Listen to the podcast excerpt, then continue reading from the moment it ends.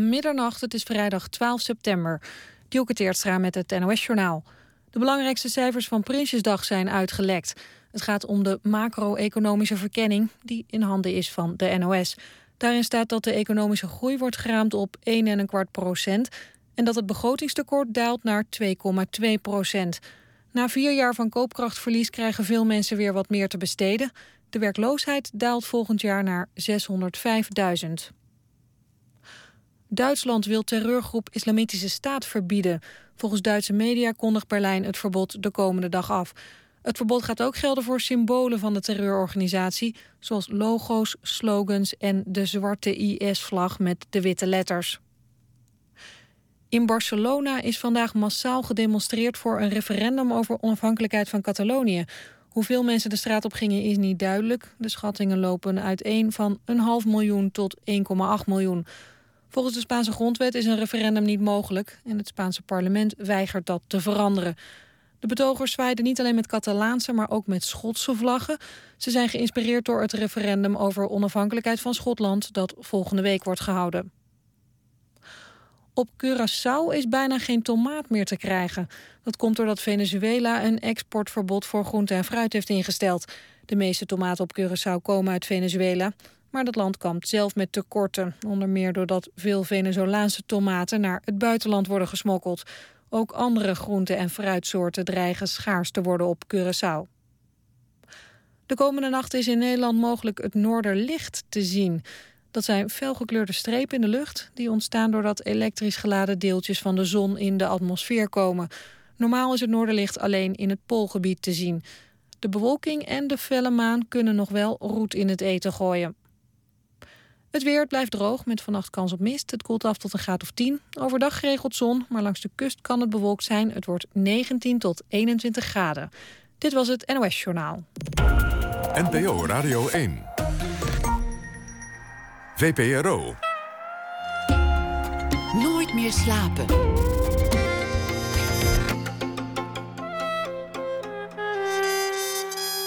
Met Pieter van der Wielen. Goedenacht en welkom bij Nooit meer slapen. Over geloof gaat het vannacht. In God en in het balspel. Over oude mannen die maar niet tot rust willen komen. En we gaan het ook hebben over woord en beeld. Voetbal als religie. Na één uur Voetbal Halleluja heet een tentoonstelling in Amsterdam... die we bezoeken samen met een priester. Een gesprek met Joost Zwagerman over zijn nieuwe dichtbundel. Over uh, krachtige beelden gaat hij. En Robert Ammerlaan, die op zijn zeventigste aankondigde... dat hij een nieuwe uitgeverij zal beginnen. Maar we beginnen met Talula Schwab. Dorsvloer vol confetti heet de film. Gaat morgen in première in Vlissingen op het Film by the Sea Festival. Naar de bestseller van Franka Treur. Het verhaal speelt ook op Walcheren, waar een meisje, Katelijne, opgroeit in een streng bevindelijk boerengezin. En daar de kracht van taal ontdekt. En dus ook van verhalen. En dat voor iemand van wie geacht wordt dat het hele leven in het teken zal staan van het ene verhaal, het heilige verhaal. Dorsvloer vol confetti is de eerste film van regisseur Talula Schwab. In de hoofdrol de 14-jarige Hendrikje Nieuwwerf. Schwab werd geboren in Oslo in een theaterfamilie. Haar vader gaf haar als kind al een camera. Ze kwam naar Nederland om hier de filmacademie uh, te doen. Ze maakte al vele korte films, ook kindertelevisie, ook theaterproducties. En ze is in het dagelijks leven getrouwd met de regisseur Martin Koolhoven. Welkom. Dankjewel. Dorsvloer vol confetti, laten we daarmee uh, beginnen. Er zijn mensen geweest die, die hebben gelobbyd of, of geprobeerd om, om deze film te voorkomen die, die lange brieven hebben gestuurd om dit project vooral niet door te laten gaan. Wat heb jij daarvan meegekregen? Nou, heel weinig eigenlijk. Want ik uh, uh, kwam uh, binnen op een laat tijdstip. Dus dat waren allemaal gebeurd voordat ik eigenlijk erin stapte. er is alleen maar één keer iets geweest van dat we in een kerk wilden draaien. En dat daar dat, dat geweigerd werd op religieuze gronden. Maar voor de rest heb ik heel weinig meegemaakt van, uh, van dat allemaal. Ik denk dat uh, de productie, mensen van de productie waarschijnlijk veel meer hebben gezien. Ik weet het niet. Maar in mij is, ik heb niks meegemaakt. Gek genoeg. ik ken Franka Treur goed. dus ex-geliefde van me. We, staan op goede voet. Ik zeg het er maar meteen bij, want anders denkt iedereen: wat zit je te huigelen? Weet je wel, ik weet heus wel hoe het zit. Dus kan ik maar beter gewoon over de tafel gooien. En ik, ik weet dat zij een aantal keer door, door mensen is benaderd langs allerlei kanalen van alsjeblieft voorkom dat deze film het licht ziet. Ja, maar ik denk dat uh, omdat Franka vanuit van, uit dat milieu komt, gaan ze ook haar veel meer benaderen daarover. En mij, ik ben nooit benaderd. ik, ben, ik kom ook niet uit die kringen. Dus ik denk dat dat een heel groot verschil is. Je bent toch een heiden? Ja, ik denk het, want ja, dat is toch een verschil een of andere manier. Denk je dan niet in welk wespennest heb ik mij gestoken? Ik ken dit milieu niet, ik kom er niet vandaan. En ik ga een film maken over dat milieu.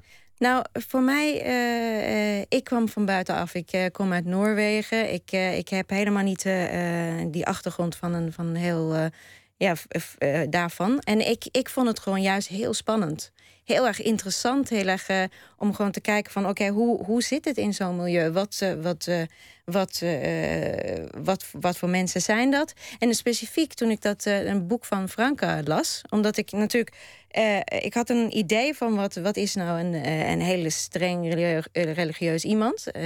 En dat, dan zag ik voor me zo ja, zwarte kleding, niemand spreekt aan tafel, weet je, dat soort dingen. Maar op het moment dat ik dat boek las, toen, toen zag ik hele andere dingen. Een hele ander, andere wereld of andere kanten daarvan. En dat vond ik dus heel erg interessant om te onderzoeken.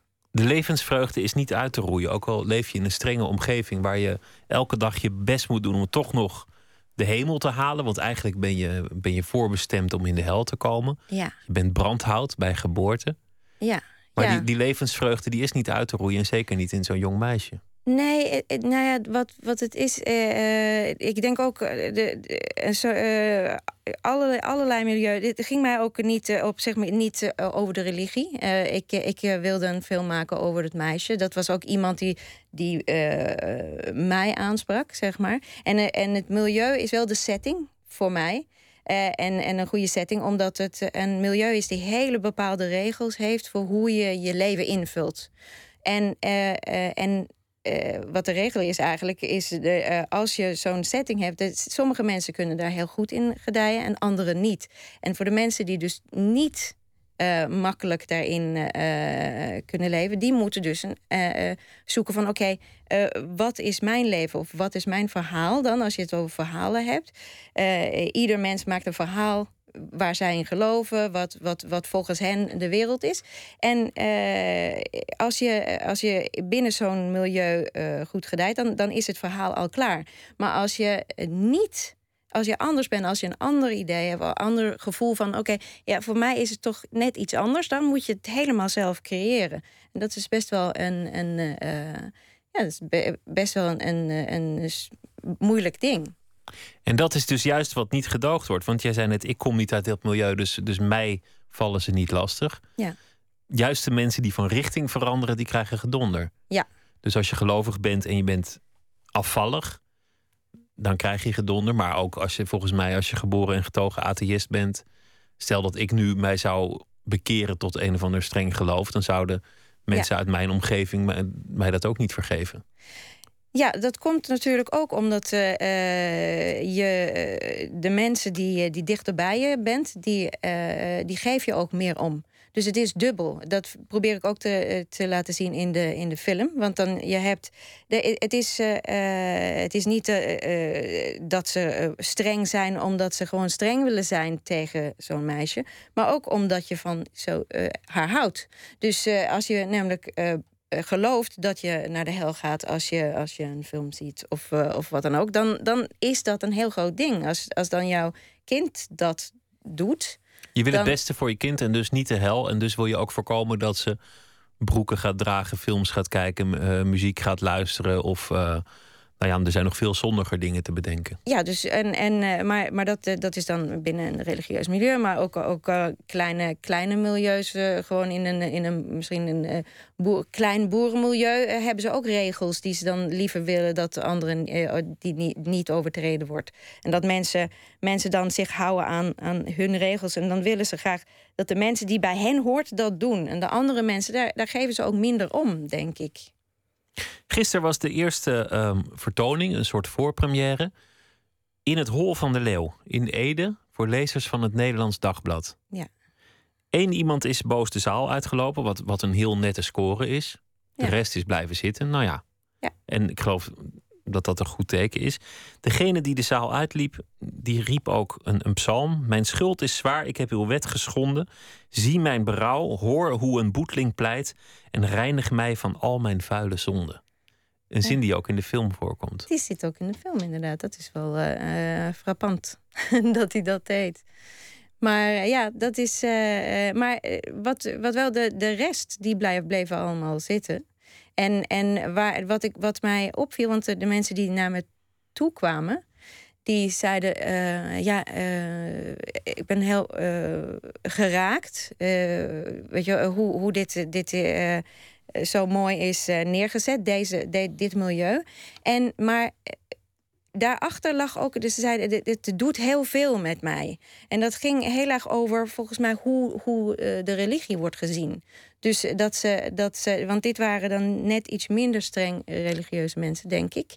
En die maakten zich heel erg zorgen hoe dus, uh, hoe streng het daar wordt gedaan. Dus, dus of hoe dan God, het beeld van God zou, zou zijn. Want dat is natuurlijk een onderscheid dat mensen vaak vergeten. Je hebt, je hebt allerlei varianten van, van kerken en, en geloof. En je kunt natuurlijk van een strenge variant naar een veel lossere variant. Ja.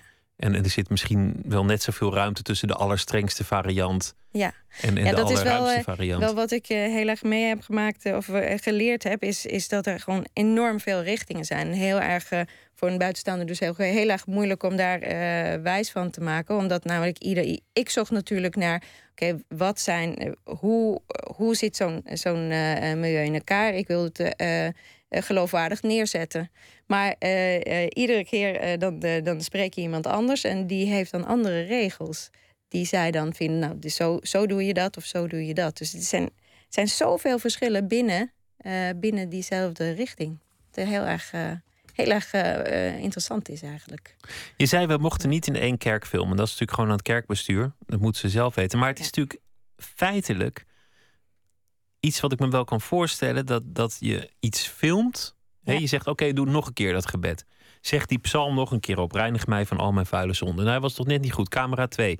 Reinig mij van al mijn vuile zonden. Ja. Ah, je kan je nog één keer doen en dan in de lens kijken. Reinig mij van al mijn vuile zonden. Het wordt nep. En dat is natuurlijk de, de gevoelige plek dat je zoiets moet menen. Dat is een heilige tekst. Ja, dat, uh, dat, uh, dat is ook zo dat uh, als, je, als je daar uh, heel erg in gelooft, dan is dat, eh, dan, dan, dat, dat zal een van de redenen zijn dat ze dat niet wilden. En dat is hun goed recht. Laten we het over de vrolijke kant hebben, want het is uiteindelijk toch een vrolijke film geworden. Het is een, levenslustige film. Het is een film over een jong meisje. Hendrikje Nieuwwerf, 14 jaar oud, speelt de hoofdrol. Hoe ben je aan haar gekomen? nou, via, via een castingbureau. En uh, uh, zij kwam binnen en uh, nou, ik zocht heel erg naar zo'n naar een specifiek soort meisje die heel erg.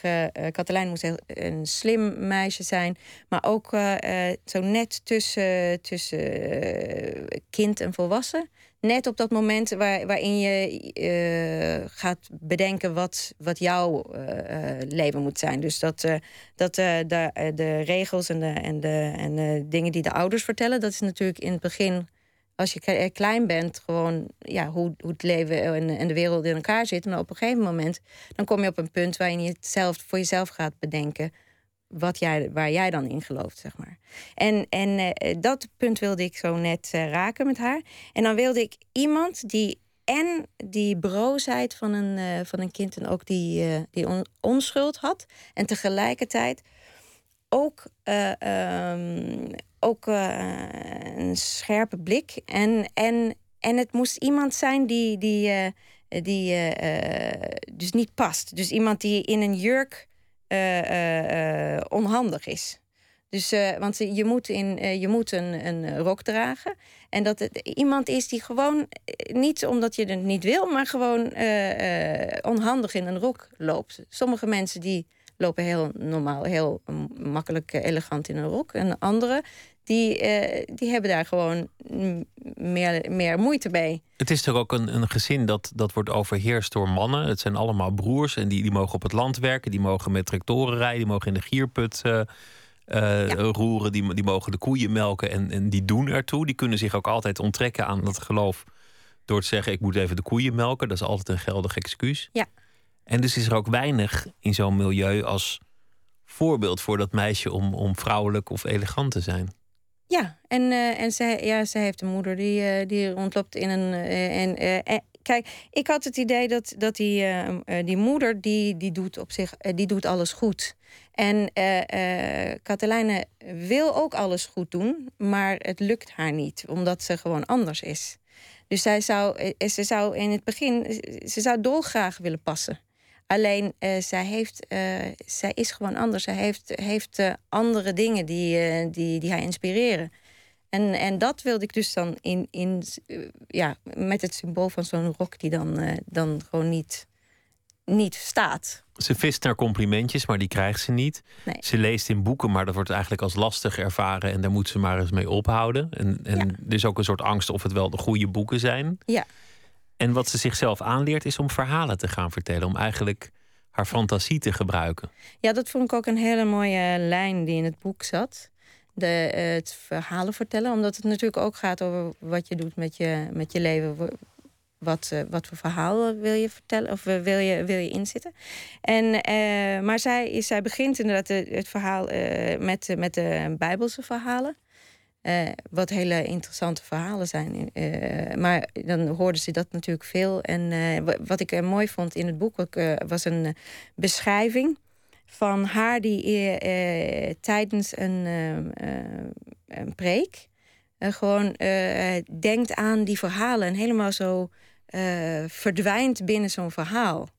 Dat vond ik heel erg interessant. En dat, want dat is wat zij eruit pikt. Eh, en dan daarna dan gaat ze zelf dus eh, eh, verhalen vertellen. En dan komt ze sprookjes tegen, wat eigenlijk niet mag. En dan ontdekt ze op een gegeven moment wat, ja, wat, wat een verhaal kan doen. In het begin gaat het en mis. slechte. Ja, In het begin, iedere keer als ze een verhaal vertelt, dan gaat er iets mis op het land. Maar later Ja. ontdekt ze dat, het, dat je de waarheid naar, naar je hand kan zetten. Ja. Er zit een heel cruciale scène in het, in het boek. Die gelukkig ook de film heeft gehaald. Is namelijk dat opa die is, is eh, doodgegaan bij een ongeval. Op het, eh, op het erf. Oma die, die maakt zich zorgen. Die denkt, ja, heeft hij de hemel gehaald? Ik heb geen teken. Ik weet niet hoe het met hem is. Heeft hij goed geleefd? Want het was een, een vrolijke, levenslustige, iets wat rebelse man. Mhm. En Katelijne die, die verzint dan dat ze dat teken heeft gekregen. En die vertelt een verhaal waar oma prima uit kan afleiden dat, dat opa het hiernamaals heeft gehaald. Ja. En dat troost oma enorm. ja dat is een heel, heel belangrijk eh, iets. Want dat is ook een eh, grote stap voor Katelijne. Eh, omdat eh, eh, het een positief effect heeft. Het verhaal. Ja, ze merkte, ik, ik kan oma helemaal blij maken terwijl Ja. ze ontroostbaar was. En ze, en ze durft ook eh, het te doen. Het is een stap voor haar om, om dat verhaal te vertellen eh, wat, eh, eh, wat niet waar is. Dit is denk ik ook de, de reden waarom het, ondanks dat het, het is geen, het is niet Jan Wolkers die schopt, het boek. Of, of eh, heel veel andere mensen die schoppen tegen religie. Maar hier zit natuurlijk de bom onder ieder geloof. Namelijk, het is een verzinsel van de mensen. En je kunt ook iets anders verzinnen en dat werkt ook troostend. Het is gewoon iets dat je in je hoofd haalt omdat het nou eenmaal troostend werkt. Ja. Dat is religie. Eh, dat, dat is inderdaad een. eh, een eh, dat, dat, zou je kunnen, ja, dat zou je kunnen zeggen, inderdaad. dat, dat, dat in ieder geval. Ik, ik, ben niet, ik zou niet zeggen dat ik weet hoe alles zit. Ik ben Ik ook niet, niet, hoor. ik ben niet gelovig opgevoed. En ik geloof inderdaad dat, dat het zo zit. Alleen, eh, ik ben ook eh, eh, steeds verrast door, door het leven. En je, je maakt zelf gewoon een, een idee over hoe het leven in elkaar zit. En soms gebeuren dingen waardoor je hele, op hele andere gedachten komt. Nou denk ik niet dat ik ineens ga ontdekken dat God bestaat. Maar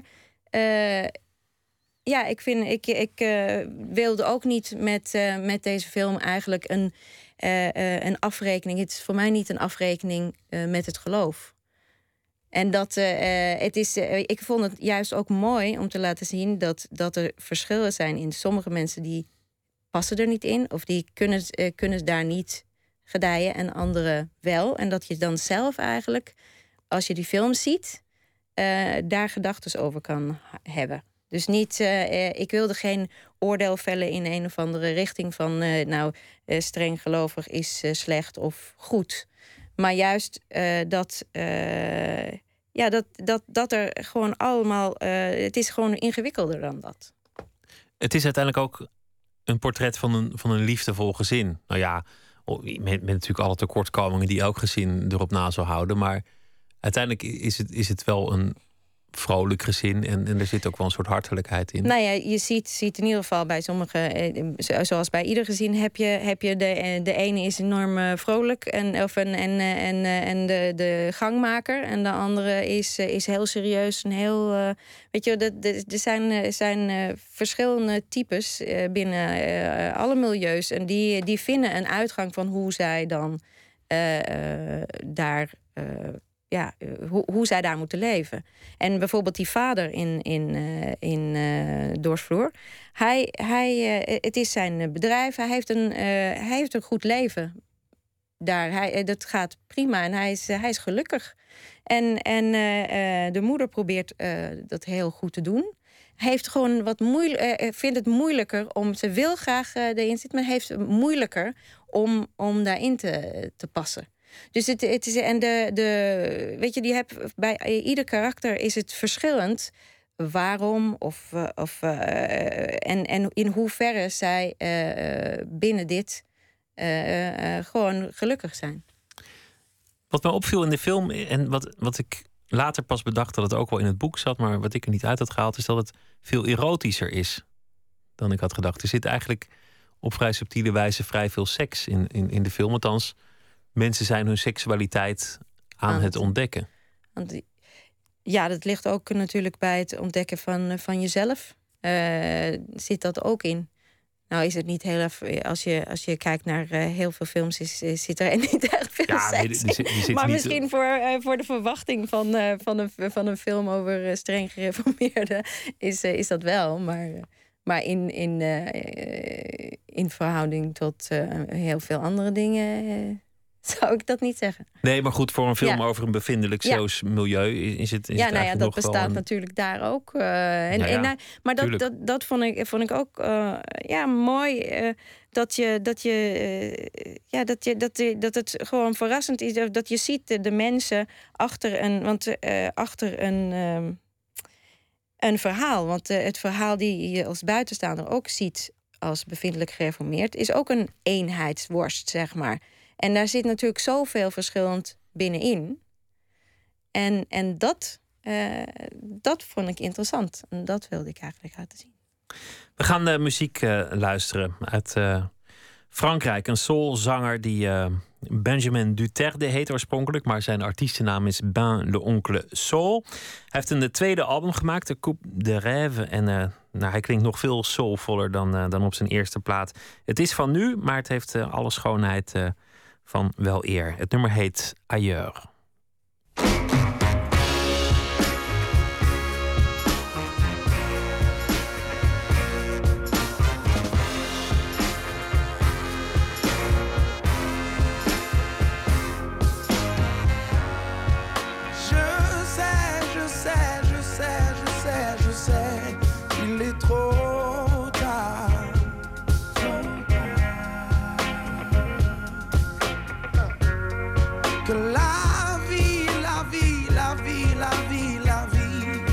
Étrange.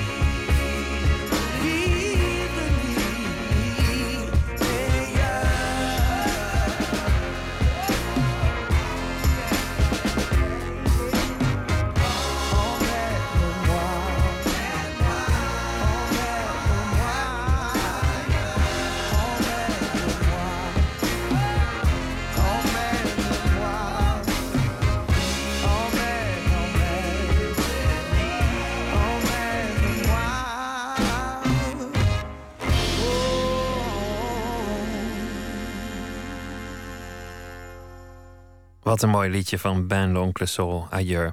Ik zou, hem- we zouden hem zo nog een keer kunnen draaien. Nou, dat is misschien overdreven. U luistert naar Nooit meer slapen in gesprek met Talula eh Schwab. Zij eh, komt uit Oslo en is de regisseur van haar eerste bioscoopfilm Dorsvloer vol confetti. Het is eigenlijk niet heel erg een film geworden over religie, maar een film over opgroeien. Dat is ook een manier waarop jij zelf iets van jezelf in die film kon leggen en eigenlijk je Ja. eigen verhaal kon vertellen. Ja, want je, je moet toch, eh, of, eh, als je iets maakt, dan moet je iets eh, vinden waar, wat jou triggert. Wat jou, eh, en en eh, bij mij lag dat heel erg in, eh, in een, eh, ja, twee dingen, denk ik. Eh, in het verhaal van, eh, ik had eh, toen ik klein was verhalen van mijn oma gehoord. En die kwam ook uit zo'n zo'n eh, klein religieus milieu. En zij was eh, steeds aan het, eh, duidelijk steeds aan het zoeken naar haar eigen identiteit, naar haar, nou ja, naar wat, nou ja, een beetje schoppen tegen de, de, de grenzen. En een beetje, zij ging bijvoorbeeld ja, haar haar eh, bob eh, lijn knippen. En ook bijvoorbeeld werd zij zwanger voor het huwelijk. En, eh, en eh, de, eh, de, haar man, dus mijn opa, die werd door, haar, door zijn broers dus meegenomen.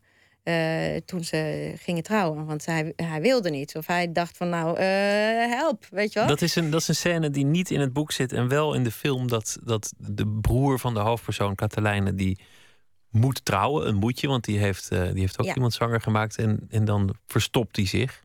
Ja, en eh, dat deed hij dus. En eh, dus dat was iets wat voor mij. eh, nou ja, ik, ik had deze verhalen gehoord. En, en, en dat, dat waren heel spannende verhalen natuurlijk. Van hoe zit dat dan en zo.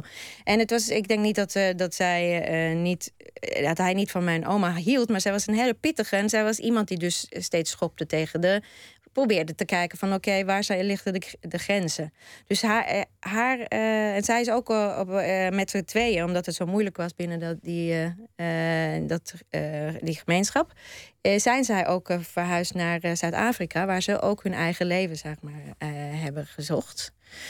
En eh, eh, nou, dat vond ik heel erg interessant. eh, altijd, want ik, ik ben zelf zo opgegroeid, totaal anders opgegroeid. Maar ik was al, werd altijd, ik, ben in, uit een toneelfamilie. en ik werd altijd. zij wilde van ja. Creativiteit, dat was goed, weet je wel. Dus eh, mijn moeder bijvoorbeeld, zij gaf mij, ze zei, eh, alsjeblieft, ik gaf me een, grote penseel met, met zwarte verf. En dan mocht ik mijn eigen wanden bekladden, weet je wel. En van alles erop schrijven. En dat, dat, dat vond zij dan, zij, zij kwam met het idee. Dus het was allemaal dat soort dingen, weet je wel. ga je uiten. De jaren zeventig in, in Noorwegen. Ja. Dat, dat is ook legendarisch natuurlijk. Er zijn ook prachtige films over gemaakt. Ja, misschien doe ik dat ook een keer, weet ik niet. Maar, maar eh, dat was. eh, nou ja, dat, eh, we- ik had gewoon een hele ander, ander iets. Dus ik, ik vond dat ook ja, iets spannends. En, en dat, ik wilde altijd iets over mijn oma maken. Die, die scène vond ik heel mooi. Dat, dat ze de jongen gaan zoeken die zich verstopt in het, eh, Ja. in het graan. En een, prachtig beeld natuurlijk. Een hele familie die door het graan loopt eh, om iemand te zoeken. Ja. Iets wat een echte Zeeuwse boerenfamilie nooit zou doen. Want dat is handelswaar, dat graan. Ja, ja. Daar ga je niet doorheen lopen. Want dat, dat scheelt weer eh 2,50 euro omzet als je dat graan kapot loopt. Ja, maar ja, dat is, hoe heet het? Filmisch. Dat, filmisch. on- onweerstaanbaar mooi natuurlijk. Ja, ja en, eh, en eh, wij zochten, wij, wij, wij eh, wilden gewoon graag dat laten zien hoe, hoe zo iemand, dat iemand zich verstopt. En, en ja, dat moet je op een filmische manier doen. En het is natuurlijk ook verschrikkelijk dat je met iemand moet trouwen. Dat, dat Ja. je de rest van je leven, althans dat is de belofte, Ja. met iemand moet doorbrengen op last van welk, welke gezagsdrager dan ook. Of het nou de, de pastoor is of, of je vader. Dat is heel heftig, ja. Ja, absoluut. En eh, eh, jong ook, natuurlijk. Dus dat is, dat is een, echt een hele. Dus dat vond ik, vond ik ook altijd een hele, hele, heel interessant. Want eh, eh, mijn oma en opa die leefden hun hele leven bij elkaar. En dat was natuurlijk interessant van oké, hoe zit dat dan? Weet je wel? Van, want ze moesten met elkaar trouwen. En ze hebben er toch iets van gemaakt. Ja, nou ja, dit was natuurlijk. Zij, zij, ze schijnen een hele vurige rela- relatie gehad te hebben van aan, uit, aan, uit en dat soort dingen voordat ze eh, gingen trouwen. Eh, en ik denk dat mijn, mijn opa gewoon dacht van... eh, oh, waar stap ik nou in, in godsnaam? Weet je wel, dat, eh, zij was wel interessant en spannend... maar je hele leven ermee doorbrengen is natuurlijk ook weer best wel een enge gedachte dan. Een buitengewoon enge gedachte. ja. Veel engere gedachten zijn er. Nou ja. Nee, nee, nee, want ja, is bepaalt natuurlijk. ook je leven enorm. Dus... eh, Maar jij groeide op in een artistiek eh, milieu, een, een theaterfamilie, zei ik, zei ik aan het begin. Ja. Wie zaten er allemaal in het theater in, eh, in jouw nou, familie? het zijn iets van zes generaties.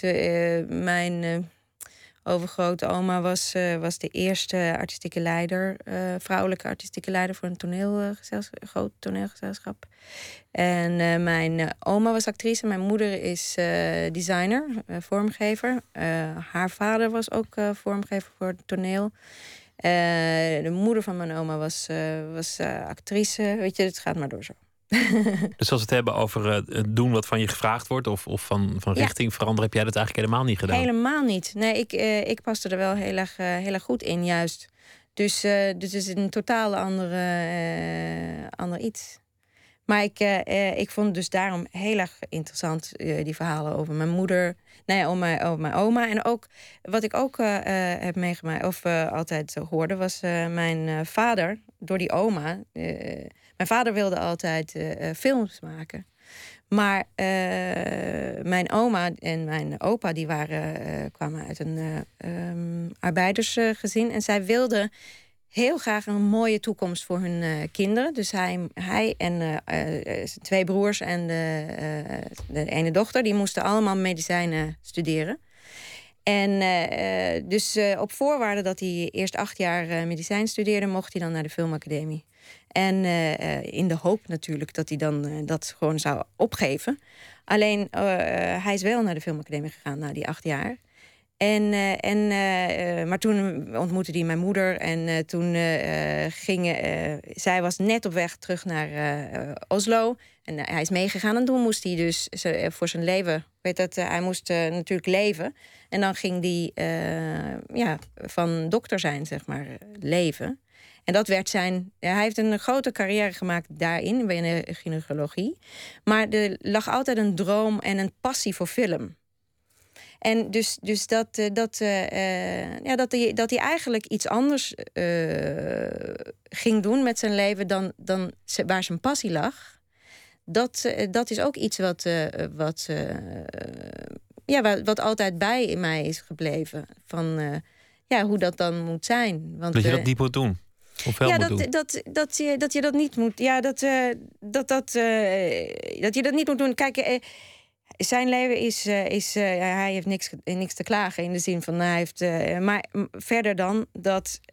nou, wat, hij, hij zal altijd leven met het idee van: wat als ik dat andere pad, wat ik, had geko- eh, wat ik zelf had gekozen, wat als ik, wat als ik wel films had gemaakt? Weet je, wat, wat was dat dan geweest, zeg maar?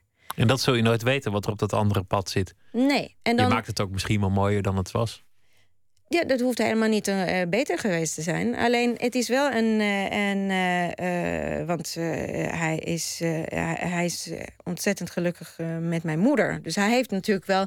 Daar heeft hij wel een keuze eh, gedaan. Hij heeft gekozen om toch zijn passie achter te laten. En, en een andere passie, mijn moeder, zeg maar, te volgen.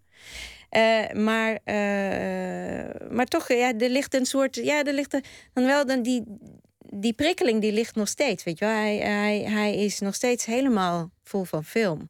En, heeft jou ook een, ja. een camera gegeven toen, toen jij jong was. Ja. Gaf Hij- dan ook opdrachten van, van film dit is of dit moet je doen met die camera? Nou, hij ging, eh, hij ging zelf, eerst ging hij zelf eh, films maken in de, in de zomervakanties en zo ging hij dus met een 16 mm camera films maken. Met ons erin. Dus bijvoorbeeld met de au pair als die, die werd ontvoerd en mij op de arm, weet je wel, dat soort dingen. En soms was hij ook medogeloos. Dan, eh, ging, dan moest je. Dan eh, wilde hij dat ik hu- huilde of zo. Dan ging hij water op me gooien. Mijn moeder hartstikke boos achteraan, weet je wel, dat soort dingen. En, eh, maar eh, maar nee, dat was allemaal heel leuk eigenlijk. En, en de hele familie, want we hadden een enorme familie, die gingen allemaal meedoen.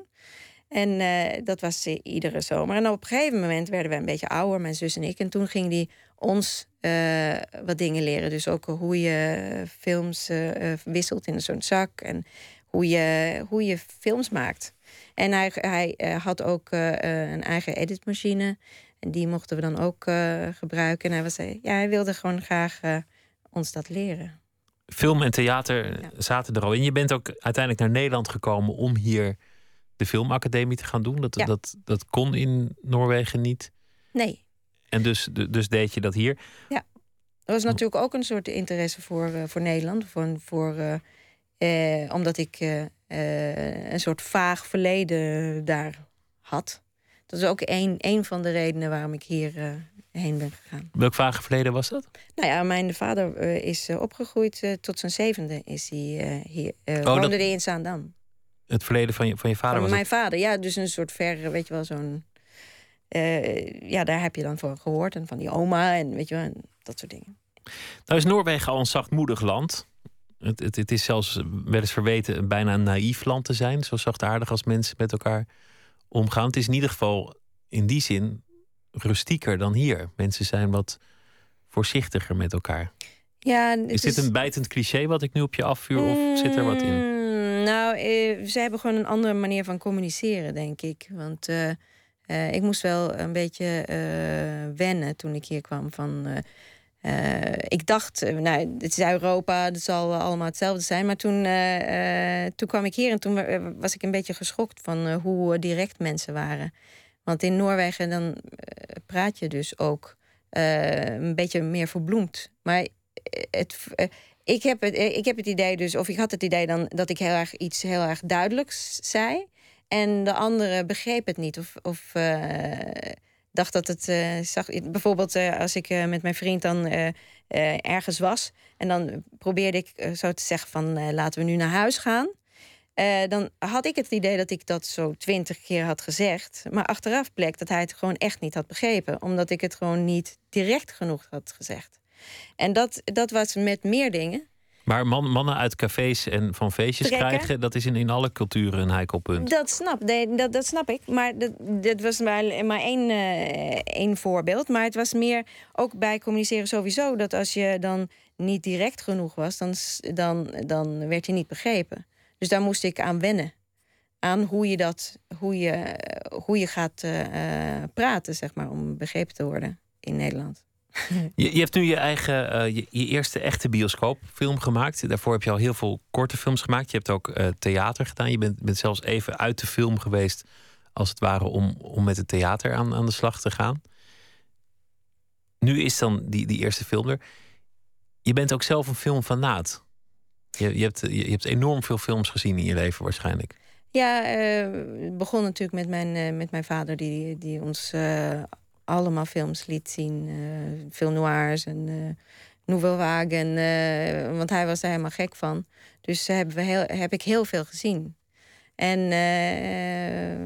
ja, dus ik doe gewoon ook wat, wat ik altijd heb willen doen. Dus ik ben heel erg blij. Een blij En- mens. En dan een film maken als eerste over, over een milieu waarin het beeld eigenlijk altijd gewantrouwd wordt. Ja. Waar, waar de tv verboden is, waar, waar ze nooit naar de film zullen gaan. En wat eigenlijk ook een geloofsrichting is die eruit is voorgekomen, dat, dat je beelden moet wantrouwen en, en nou, in de oorsprong zelfs tegen de muur smijten. Ja, dat is, eh, dat is heel eh, interessant. Maar eh, nogmaals, voor mij gaat die film helemaal niet over, over, Over het de- geloof. Over het geloof. Het gaat over opgroeien en dat is Het- universeler. Ja, dat is een universele iets. Het gaat over, over wel in, in de zin van dat. Dat niet, eh, eh, geen, eh, ja, dat, dat niet ieder mens overal past. Dus en, en, en mensen, dat is niet alleen maar religie, maar het zijn allerlei systemen, proberen gewoon één manier te vinden die dan de juiste is. En, en daar is altijd iemand die niet past. En die moet dan zijn eigen weg vinden. We gaan weer luisteren naar eh, muziek uit eh, Zuid-Korea. Komt ze oorspronkelijk. Ze groeide op in de Verenigde Staten. Ik heb het over Karen Lee Orsolek. Beter bekend als Karen O. In het dagelijks leven zangeres van een band. Yeah Yeah Yes heet hij. Maar ze heeft nu ook een eh, solo-album. En daarvan hoort u het nummer Wrapped. Bright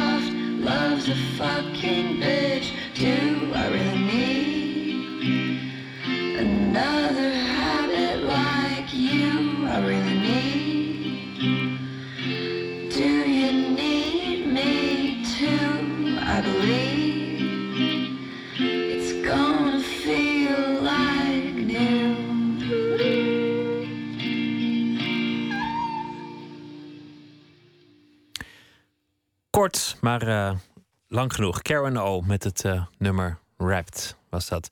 Talula Schwab. Je hebt, je hebt heel veel kinderfilms eh, of kinderseries gemaakt. Korte films voor, voor kinderen. En ook gewerkt met kinderen. Hendrikje Nieuwwerf, die in de nieuwe film speelt, is... Ja, ik, ik 40. heb niet echt veel. Ik heb nu net, net een serie gemaakt. En een kinder, kinderserie. Mijn eerste. dus, en, en ik heb korte films gemaakt. eh, en, en in sommige zitten inderdaad ook kinderen.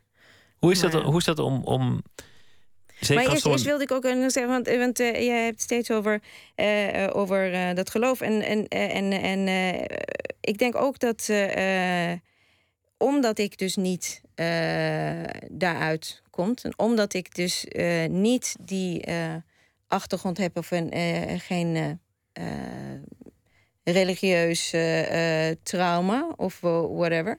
eh, eh, dat, ik, dat ik ook met een andere oog of een andere blik kijk. Dus dat ik, dat ik misschien wat. ehm, eh, dat, dat ik gewoon iets anders wil. op, op een andere manier kan laten zien dan, dan iemand uit Nederland. Want het, het is steeds. Het wordt hier. Wordt het steeds eh, zo, zo zwart-wit en zo. eh, weet je wel? En dan, ik, denk dat je dan ook eh, gewoon wat nuances gaat missen. En, en dat, ja, dan, je kan gewoon verschillende verhalen vertellen over, over geloof. En, en het hoeft niet, hoeft niet altijd hetzelfde verhaal te zijn. En het is wel veel, veel films over waar, waarin je hetzelfde beeld van, van gelovigen of, ziet. En ik vond gewoon eh, eh, streng gereformeerde eh, dat, dat het interessant was om dat gewoon ook op een andere manier te laten zien. Dat is iets wat, wat op de een of andere manier heel diep zit.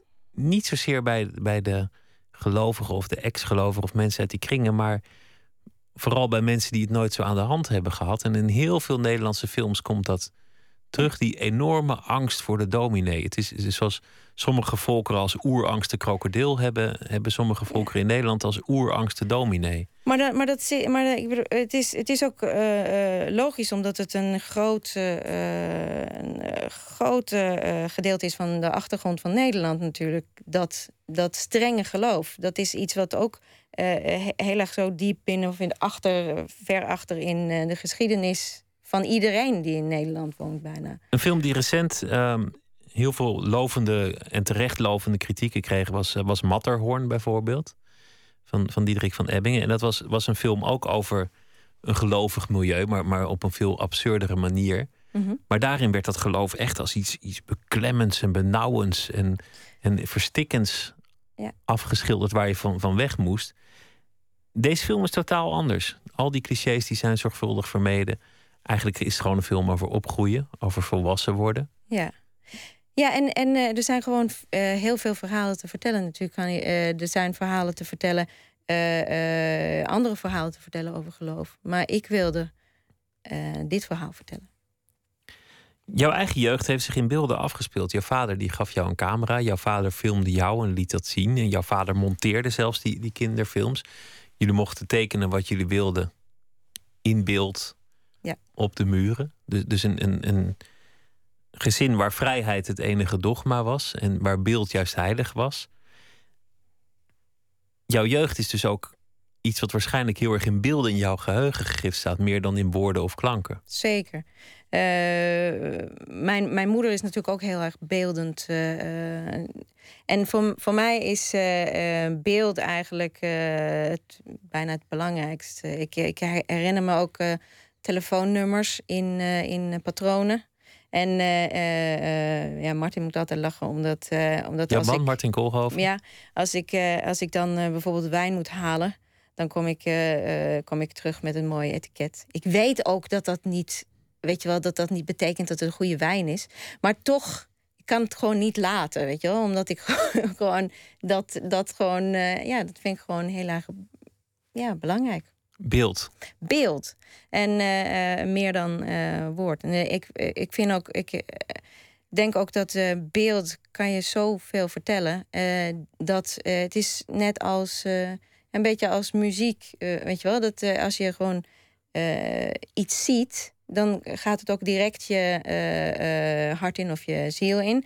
Maar als je woorden ertussen hebt, dan, dan, eh, dan komen die, die woorden zijn, eh, die zijn zo multi-interpretabel dat, eh, dat het in de weg zit voor, voor, het, voor de belevenis, zeg maar.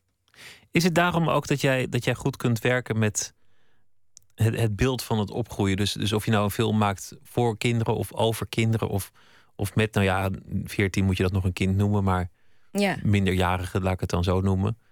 Heeft dat ermee te maken dat je zelf bent opgegroeid in een, in een heel erg visueel ingestelde omgeving?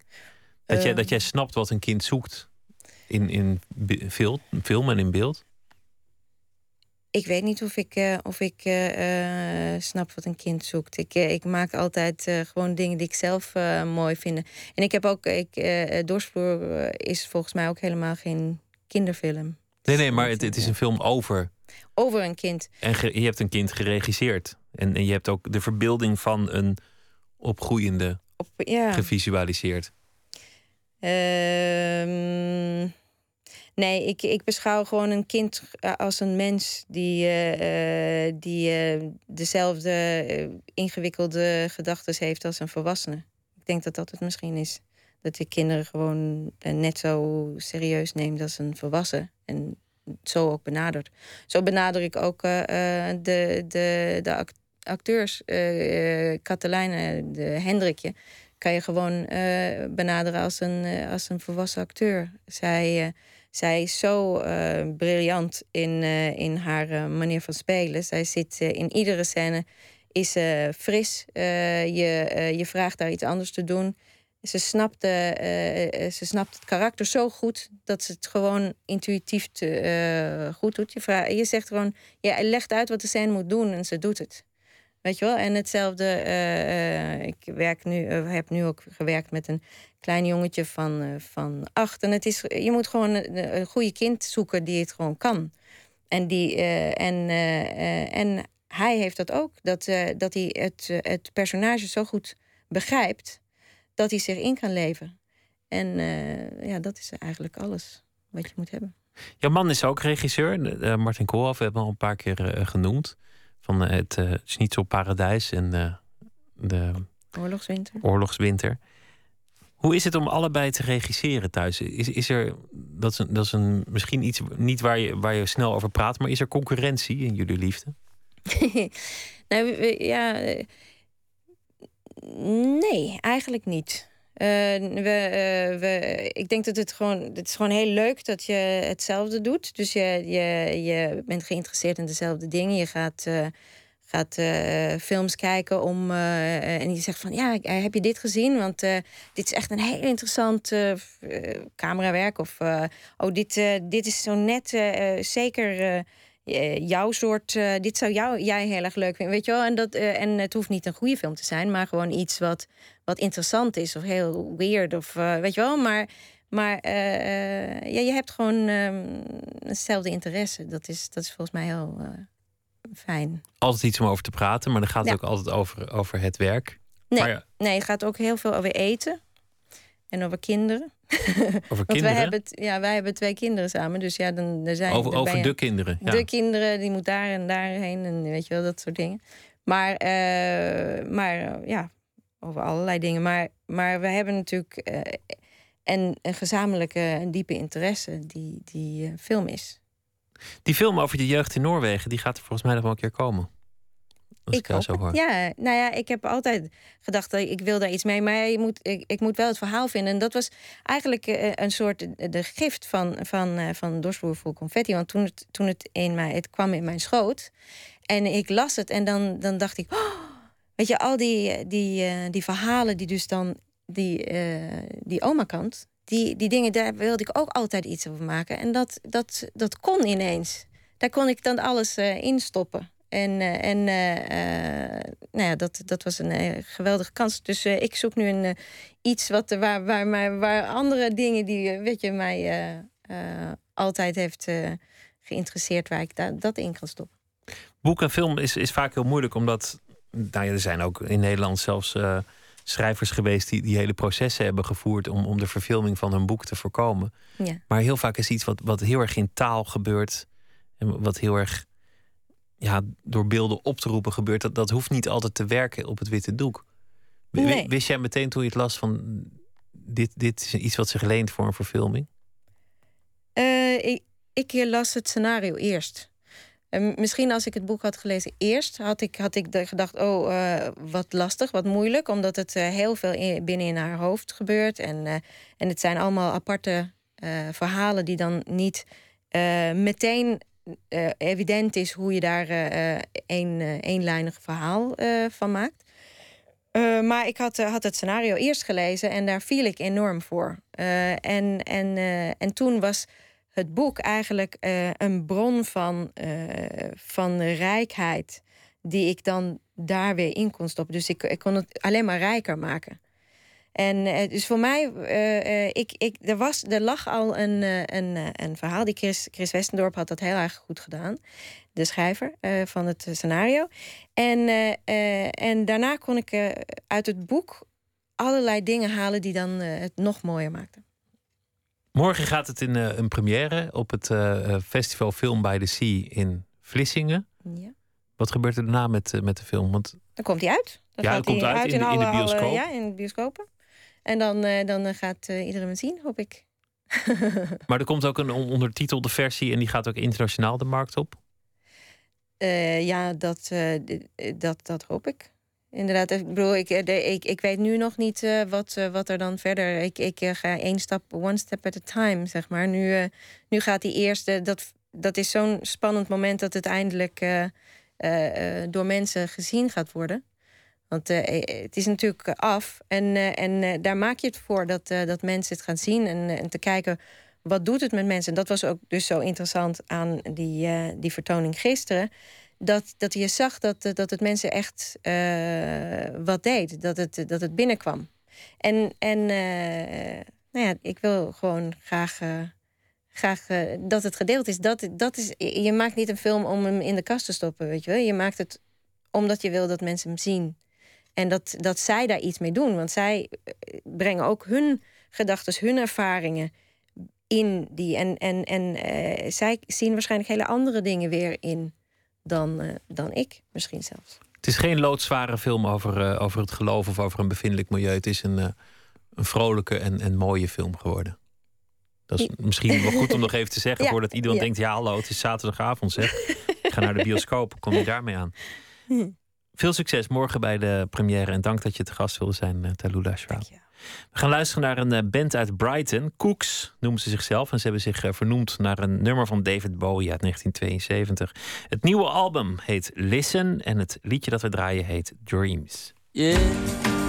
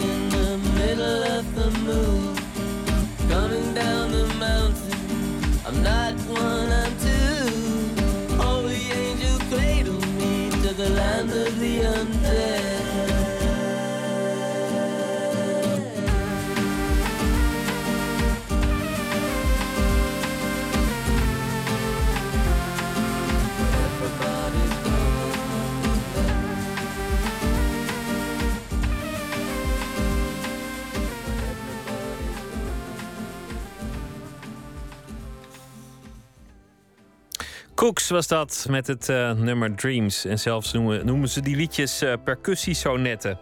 En ze komen uit eh, Brighton. Nooit meer slapen gaat zometeen verder met onder andere een verhaal van Daniel D., de stadsdichter van Rotterdam. Die schreef een verhaal speciaal voor ons over iets dat hem afgelopen dag is overkomen. Twitter, het VPRO NMS of via de mail nooitmeerslapen.vpro.nl.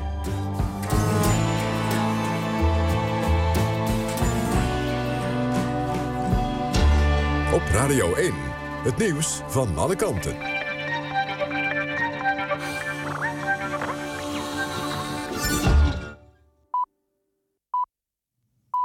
1 uur, die ook het eerst raam met het NOS-journaal. Twee Nederlandse tropenartsen zijn mogelijk besmet met het ebola-virus. De twee behandelden in Sierra Leone drie patiënten... die later aan de ziekte overleden. De artsen droegen tijdens de behandeling geen beschermende kleding. Ze hebben geen symptomen van ebola... maar het kan weken duren voordat het virus zich openbaart.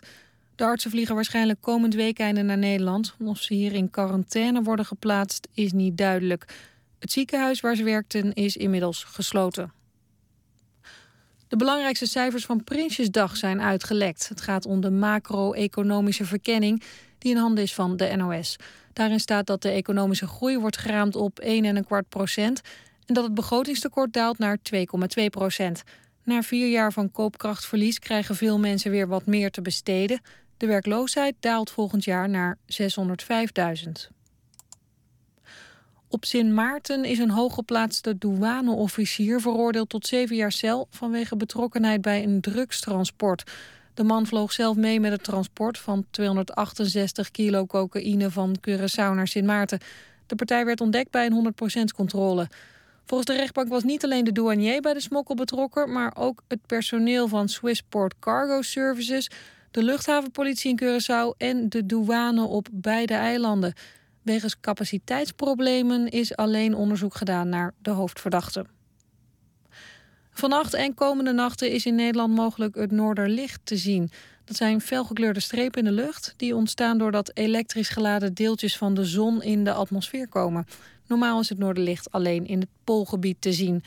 De bewolking en de felle maan kunnen nog wel roet in het eten gooien. Het weer blijft droog met vannacht kans op mist. Het koelt af tot een graad of 10. Overdag geregeld zon, maar langs de kust kan het bewolkt zijn. Het wordt 19 tot 21 graden. Dit was het NOS Journaal. NPO Radio 1. VPRO. Nooit meer slapen.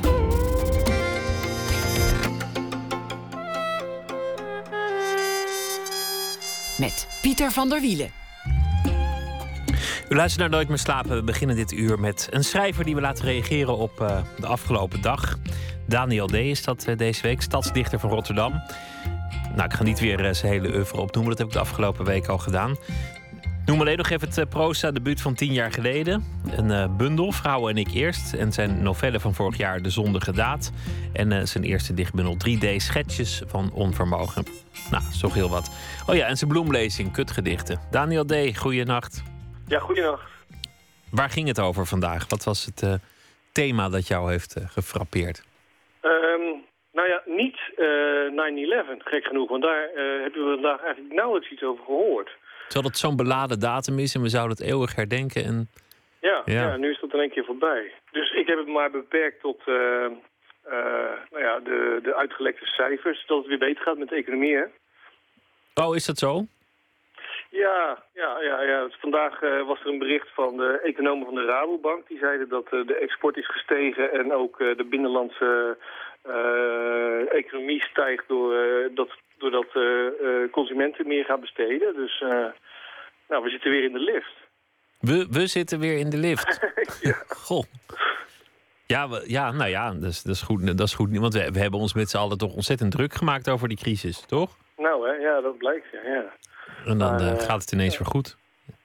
Minder werkloosheid, meer banen. Nou, dus uh, we kunnen ons hart weer ophalen. We hè? kunnen weer consumeren, waartoe Precies. we op aarde zijn tenslotte. Ja, inderdaad. Nou, nou je hebt er een dus... Sorry? Uh, nou ja, daarover heb ik dus iets geschreven, inderdaad. Ik ben heel benieuwd. Laat horen. Geld moet rollen. Het gaat weer iets beter met onze economie. De groeiende export is de belangrijkste reden. Ook beginnen we nu weer te profiteren van de stijging van binnenlandse uitgaven door consumenten. Iedereen kan op zijn klompen aanvoeren dat kopen, kopen, kopen niet meer is dan symptoombestrijding en niet de oplossing. Ik ben inmiddels zo murgeslagen dat ik mijn schouders ophaal over dat gesol. Wanneer het te laat is, komt de mens pas tot bezinning. Verder weet ik niets van economie. Op de katholieke basisschool waar ik heb school gegaan in de jaren 80... probeerden meeste radenmakers uit te leggen wat een recessie was. Want ook toen zaten we in de malaise. Hij zei, jullie weten allemaal dat we in een economische crisis zitten, maar wat merken jullie ervan? Je eet nog steeds je boterham met hagelslag en je hebt nog steeds een voetbal om mee te spelen. Op dat moment kon ik alleen nog maar dagdromen over voetballen en hoopte ik gauw de schoolbel te horen. De rest van zijn betoog is me geheel ontgaan. Dat dagdromen bleek symptomatisch. Iedere keer wanneer iemand over economie, economie begint, dwalen mijn gedachten af. Het interesseert me niet. Die hele crisis is uiteindelijk niet meer dan een illusie. Het zit vooral in de hoofden van de mensen. In een illusie die erbij nog eens geheel langs me heen is gegaan. Ik heb de afgelopen jaren altijd kunnen voetballen wanneer ik wilde. Voetballen. Wat wilde een mens nog meer? Uit, uitgeven alleen om het uitgeven heeft me nooit aangetrokken. Nou ja, die nieuwe Apple Watch wil ik natuurlijk wel hebben.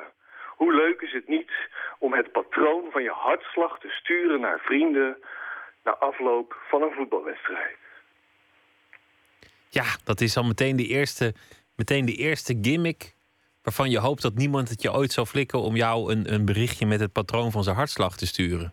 Dat, Ja, dat, was dan. daarmee? De, de hele wereld keek toe. En eh, van, van, van het belangrijkste bedrijf op technologisch gebied dat de aarde heeft.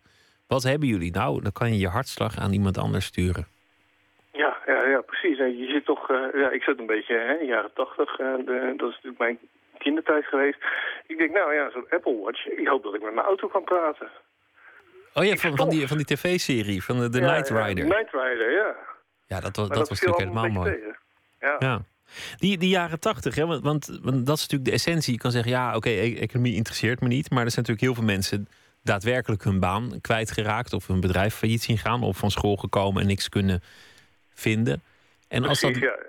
Dat vormt mensen in, hun- in hun karakter of in hun leven. Ik bedoel, baan weg, vrouw weg, huis uit, al die dingen. Dat, dat wordt niet ongedaan gemaakt nu het met de economie dan weer goed gaat. Dat, Nee, is, dat is gewoon een litteken in je, in je karakter, ziel of, eh, of in ieder geval op je cv. Zou kunnen. En, ja. dat, en, en dat, zie- dat zie je ook soms nog aan mensen als, als die crisis van de jaren tachtig. Dat die, dat die nog steeds niet uit hun gezicht is gewassen. Dat ze nog steeds een ringetje in hun oor hebben of een, een tekort leren jackie of zo'n zo'n linnen tasje. Dat, dat zijn gewoon in het straatbeeld achtergebleven littekens van de crisis van de jaren tachtig. Ja, maar is dat alleen eh, uit de jaren tachtig? Want volgens mij eh, zijn er ook bepaalde mensen die, zodra ze wat ouder worden, denken... mode, ja, ik vind het gewoon lekker zitten... en blijven dus in hun tijd hangen. Ja, precies. Dat, dat, Oké, dan heeft het niks met de crisis te maken. Nee, precies. Je hebt gewoon een aantal mensen die er inderdaad nog uitzien zoals de jaren tachtig. Maar ik ken ook nog, eh, ook uit het eh, hè, literaire poëtische veld... eh, dichters die er gewoon bij lopen als, alsof ze nog steeds in een commune wonen. Oh, ik dacht altijd dat het was omdat ze nooit zich anders hebben hoeven kleden, omdat ze dan een baan hadden gevonden. Dus dat niemand zei: doe nou eens een pak aan of een overal. Maar dat ze dachten: ja, ik ben werkloos, dus dit draag ik. Ja, ja, precies. Ja, ja. En dan op een gegeven moment heeft het geen zin meer om het te veranderen. Nee, ja, dat, ja, ja, dat zou kunnen. Maar ja, ja, waarom draag je dat dan? Want uiteindelijk is dat natuurlijk ook gewoon een uniform uit die tijd. Wij waren vrij, dus we droegen wij bloemetjeskleren. Dus hoe vrij ben je dan? Je doet elkaar gewoon na. Maar goed, dat Nou, maar ik, vra- ik vraag me af of we dan over twintig jaar ook nog steeds mensen met baarden en racefietsen zien rondrijden. Omdat ze dan tijdens deze crisis hipster waren geworden, omdat er toch niks anders te doen was. Nou, ik, ik, we zouden dat inderdaad eens even moeten bekijken over 20 jaar. Ik denk het wel. Maar dan met een buikje natuurlijk. Maar Ja, en dan, en dan komt die fiets ook niet meer goed vooruit. En dan eh, is, is die, eh, al, al die koffie aan de tanden gaan zitten. ja, Nou. precies. Ja, al die dure koffie. Ja. Het was een mooi verhaal. Dat, eh, Nou, dankjewel. Dank je wel daarvoor, Daniel D. En eh goede nacht. Ja, dank je. Jij ook. Dank je wel. Ryan Adams heeft een nieuw album uit. Ashes and Fire heette zijn vorige album. Maar zijn nieuwe album heeft gewoon helemaal geen titel. En we gaan luisteren naar het nummer daarvan, Let Go.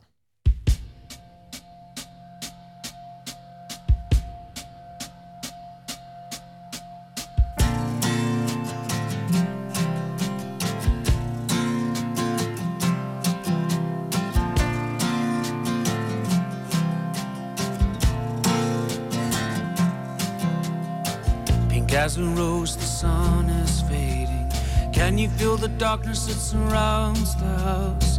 Plain as the truth, my breath is bated. It pinches like a trap shut around the mouse. But down the rope, cause we fell in. But down the rope. Hanging round the wish it will. It's a slippery slope. And I let go. Let go let go, let go.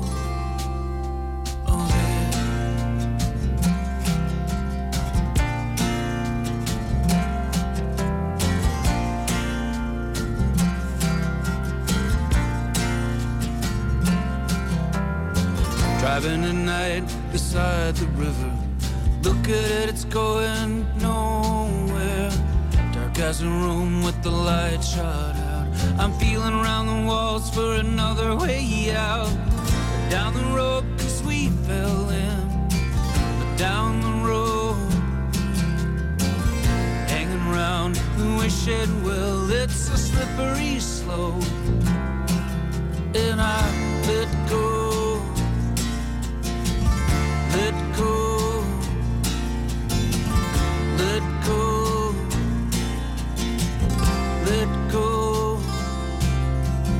Cross your fingers behind your back and lie. Tell me it's okay and you'll fix everything. Cause I let go.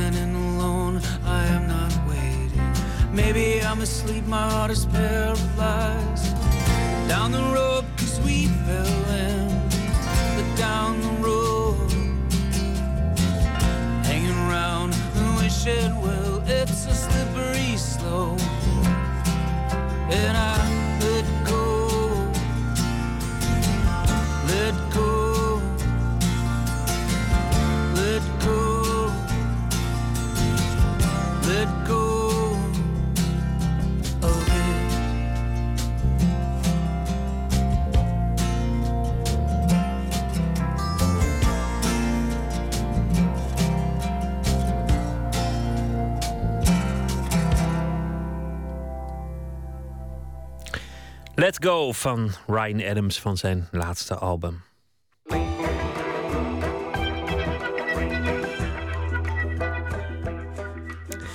De kerken lopen leeg, maar de stadions stromen vol. Het Amsterdam Museum laat vrijdag zien wat nou eigenlijk de overeenkomsten zijn tussen religie en voetbal. In de tentoonstelling Voetbal Halleluja. Floris Albersen ging naar die tentoonstelling samen met ex-priester Stefan van Dierendonk. Ze liepen door het museum.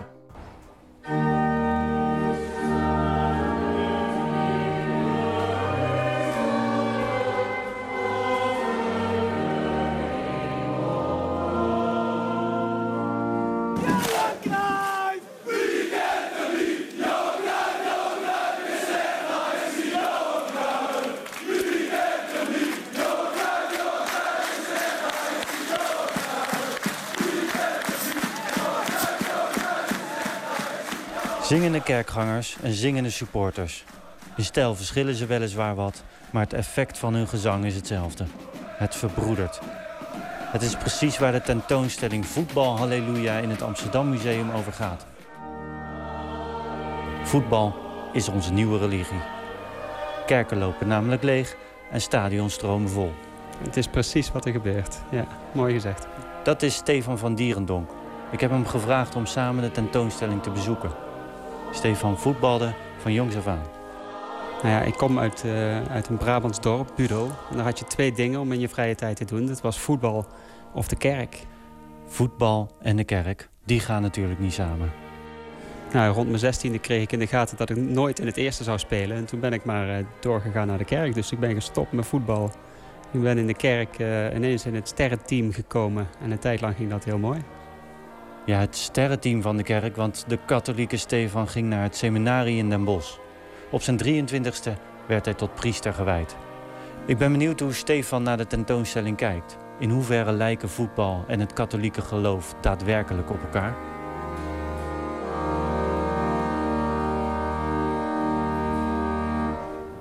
Ja, dit is zo die reliquieën van Maradona die ik hier zie. Het is het broekje met een wit broekje met een blauwe nummer 10 erop. Ja, dat is van Maradona. Ja, dat is een strijkreliek hè, in de katholieke kerk. Het is echt prachtig. Je hebt ehm, in Turijn de lijkwade. Hè? Daar heb je eh, het gewaad dat Christus, waar Christus in gewikkeld zou zijn na zijn dood. Dat wordt daar tentoongesteld. En het is ook zo'nzelfde stof. Misschien wat minder, ehm, wat minder kunstmatig, minder eh, polyester zie ik daar. Met een certificaat van authenticiteit. Hè? Dat is ook precies waar het in de lijkwade in Turijn om ging. Is het wel echt? Daar hebben de geleerden onderzocht naar pollen in de stof. En daar hebben ze röntgenstralen op losgelaten. Nou, bij, Maradona, bij deze broekje van Maradona geloof ik het wel. Dat is zeker echt. En, en bij die van Jezus in Turijn, daar weet je het zo net nog niet. Daar houd ik mijn mond over. De broek van Maradona en het gewaad van Jezus. Ze worden beide vereerd. Net als de personen zelf. En dan zien we in het museum een beeldje van de paus. Ik zie de paus. en Maradona. Ja, het is een klein tempeltje. In wit en in blauw, een blauw kapiteel en een timpaan. En daar staat het midden een heel klein fotootje van de paus, een beeldje van de paus. En je hebt er allemaal bidprentjes middenin van verschillende heiligen. Van Antonius van Padua en van... En helemaal centraal, veel groter dan de rest. eh Diego Armandus Gennarino Maradona Primo. Heldenverering dus. Net als in het voetbal. Nederland, Nederland gaat in de halve finale komen. Ik heb opeens zo'n gevoel dat we in de halve finale gaan komen. Met het balbezit voor Frank de Boer. Frank de Boer speelt de bal. Heel goed naar Dennis Bergkamp. Dennis Bergkamp. Dennis Bergkamp neemt de bal aan. Dennis Bergkamp. Dennis Bergkamp. Dennis Bergkamp. Dennis Bergkamp. Oh! Frank de Boer speelt de bal naar Dennis Bergkamp. Die neemt de bal feilloos aan. En ik schiet de bal erin. We spelen nog officieel 20 seconden. Dennis Bergkamp. 2-1. Idolatie. Jack van Gelder in 1998 als Dennis Bergkamp scoort tegen Argentinië op het WK. Bergkamp was een volksheld. Ja, het is passie. Eh, het is losgaan. Het is eh, genieten dat dat zware spel en de onzekerheid... dat dat heel eventjes weggetrokken wordt... en dat er in één keer iets van magie zichtbaar wordt. Hè. Heb jij dat ook ervaren als, als, als priester, zo'n moment in de kerk? Ja, dat is een goede vraag. De kerk is een eh, wereld waar dit soort directe, echte, heftige emoties... en waar zoveel op het spel staat en waar, waar dat niet zo voorkomt. Dat is meer eh, hè, de lange adem. En, en je mag niet te veel geluk hebben op aarde... want ja, het echte geluk is hierna. Hier op aarde doet er eigenlijk niet zo toe. En dan valt Stefans oog op iets anders. Ja, het reglement van orde van de Koninklijke Nederlandse Voetbalbond. Ja, de spelregels voor het publiek. Ja. Hingen die ook in de kerk? Niet nodig, hè?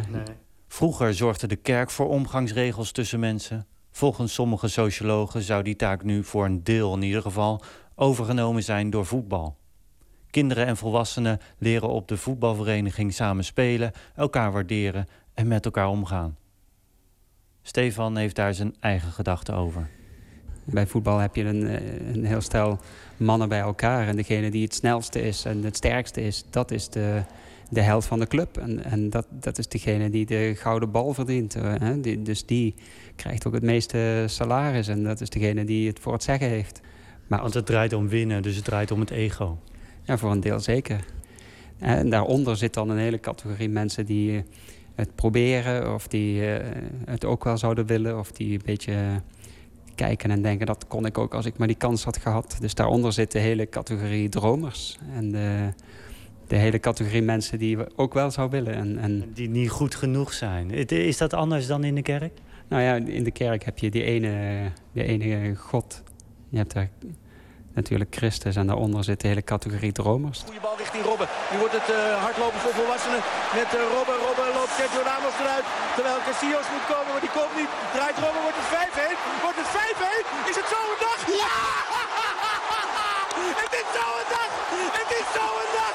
Het is zo een dag! Het is 5-1!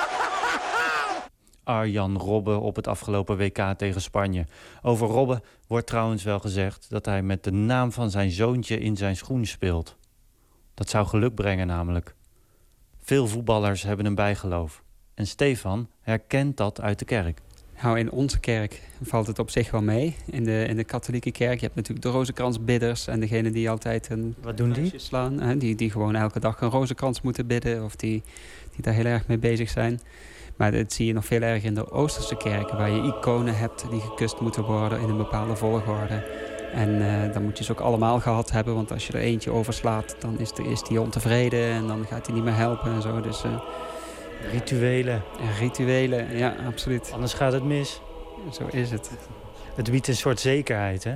Ja, je creëert een, een, een wereld die wat jou betreft ideaal is. En waarbinnen jij je veilig voelt, want dat heb je in de hand. Die grote wedstrijd heb je niet in de hand. Daar speelt zoveel mee. Is geen, je hebt geen idee wat er gaat gebeuren. Voor hetzelfde geld lig je er binnen twee minuten uit. Maar ehm, in ieder geval heb je in de hand dat je die grasmat kunt kussen. Zekerheid in een onzekere wereld. De houvast in vaste rituelen. En ook steun aan de groep. En juist dat extreme groepsgevoel benauwde Stefan van Dierendonk in de kerk. Zelfs zo erg dat hij na een paar jaar priesterschap besloot uit de kerk te treden. We komen erover te spreken als we een zwart t-shirt zien met daarop de tekst 1000% kakkerlak. Kakkerlakken, een scheldnaam voor Feyenoorders. En dat stemt Stefan opeens droevig.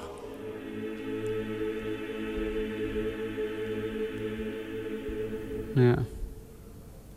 Ja, het is... eh, Dat krijg je ook, hè. Zo gauw je groepen tegenover elkaar gaat zetten... dan krijg je dus de aloude strijd. Dan krijg je echt wij zijn beter dan jullie. Ja. Dat is het probleem dat ik heb met eh, dat werken in groepen... en het denken vanuit groepen. Je hebt de identiteit dan zo ge- overgedragen aan een hogere macht... dat je jezelf kwijt kunt raken. Het dogmatische denken en de onverzettelijkheid binnen de kerk.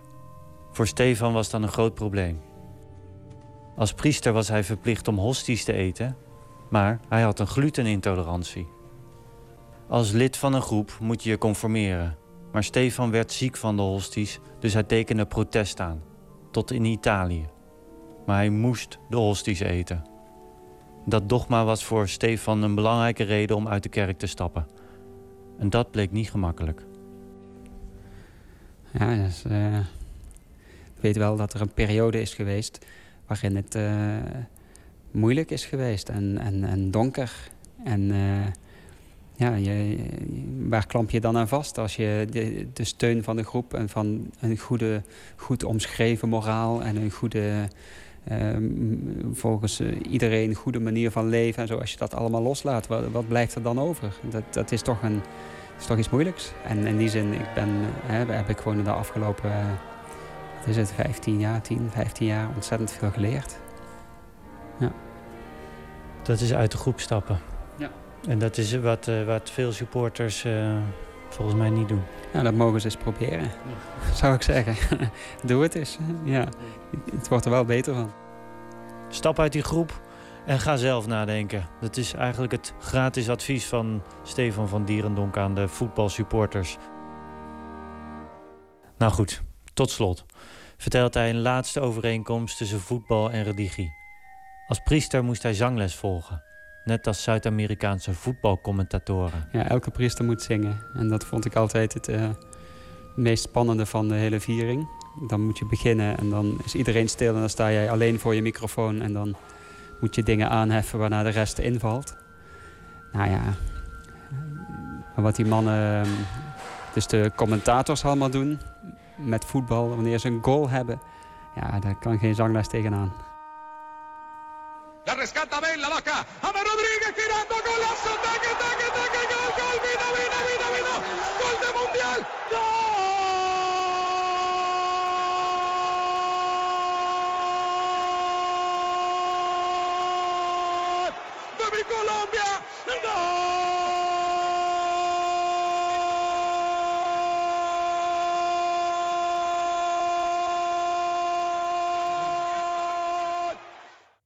Over voetbal en eh, religie. En het klinkt ook bijna als een soort eh, gebed als je zo hard eh, goal roept. Verslaggever Floris Albers in gesprek met ex-priester Steven van Dierendonk.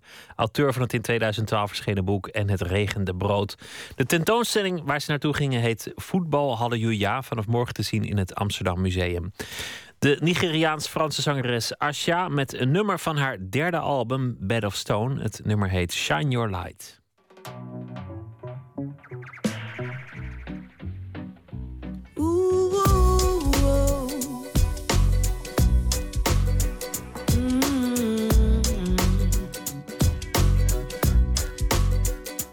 What's on your mind, child?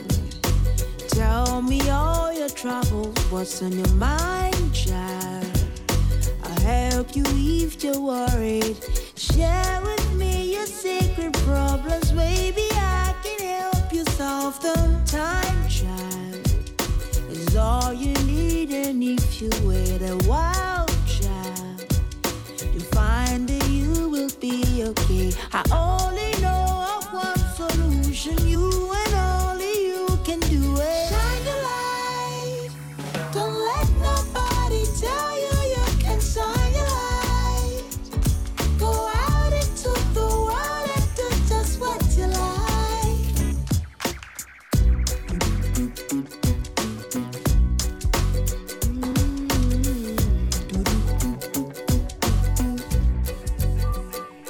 What's on your mind now?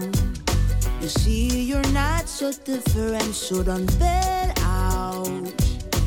No excuses, no defense. Say it like you really mean it. Everything you say, believe it. Oh, yes. After the dawn comes to light, and you know nobody can tell you no more.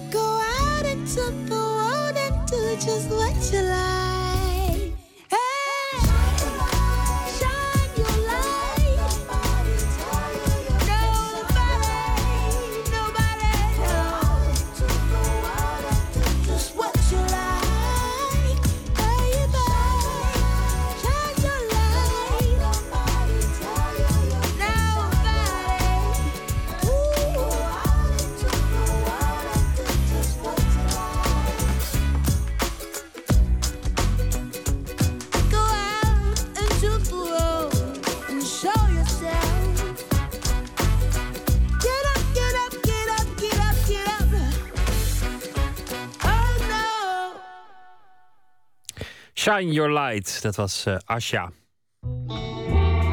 Nooit meer slapen.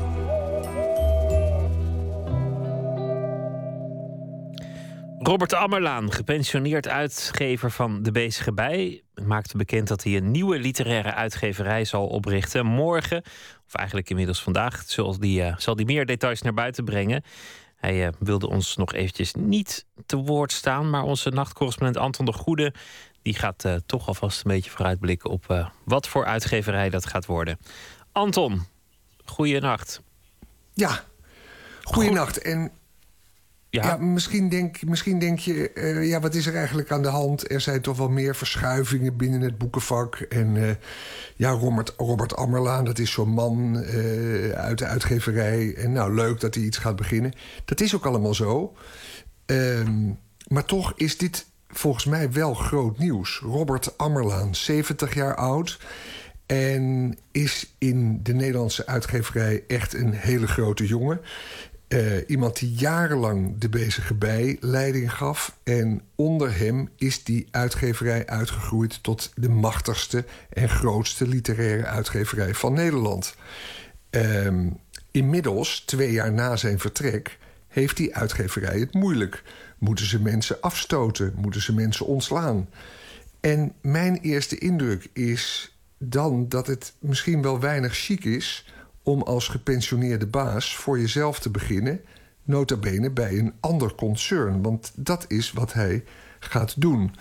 De uitgeverij gaat heten Hollands Diep en wordt onderdeel van Dutch Media, een ander concern dan dat waar de bezige bij toe behoort.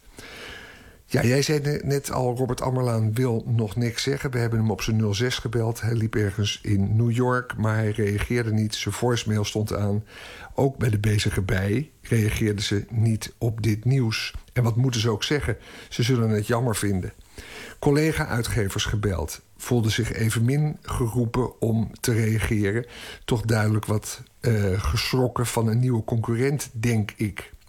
Met wie ik wel het nieuws besprak is Arie Storm, uh, schrijver, maar ook literair criticus van het Parool, kenner van het boekenvak. Hier is zijn eerste reactie. Het nieuws overvalt mij ook een beetje. Dat klinkt wat dramatischer dan ik bedoel, want er gebeuren allerlei dingen in de uitgeefwereld waar ik geen weet van heb. En ik bedoel het ook niet positief en niet negatief. Het is wel verrassend, omdat Robert Ammelaan natuurlijk van de bezige bij vandaan komt. En nu, uh, nu bij de concurrent een andere uitgeverij begint en ook daar ambitieus op lijkt in te zetten. Hij wil ook wel echt dat het een echte uitgeverij wordt en niet een of andere hobbyistische toestand. Ja, ambitieus, een man van 70 die, uh, die nog een heel nieuw project begint. Dat, dat vind ik uh, toe te juichen. Ik bedoel, de geraniums lonken ja, aan de andere kant. Ja, en de kruiswoordraadsels die laat hij nog even, even liggen. En hij heeft ook geen hengel gekocht. En Arie Storm heeft gelijk. Um, als, hij als hij zegt van ja, die hobbyistische kant heeft dit niet. Want hij heeft wel al iets losgelaten, Robert Ammerlaan.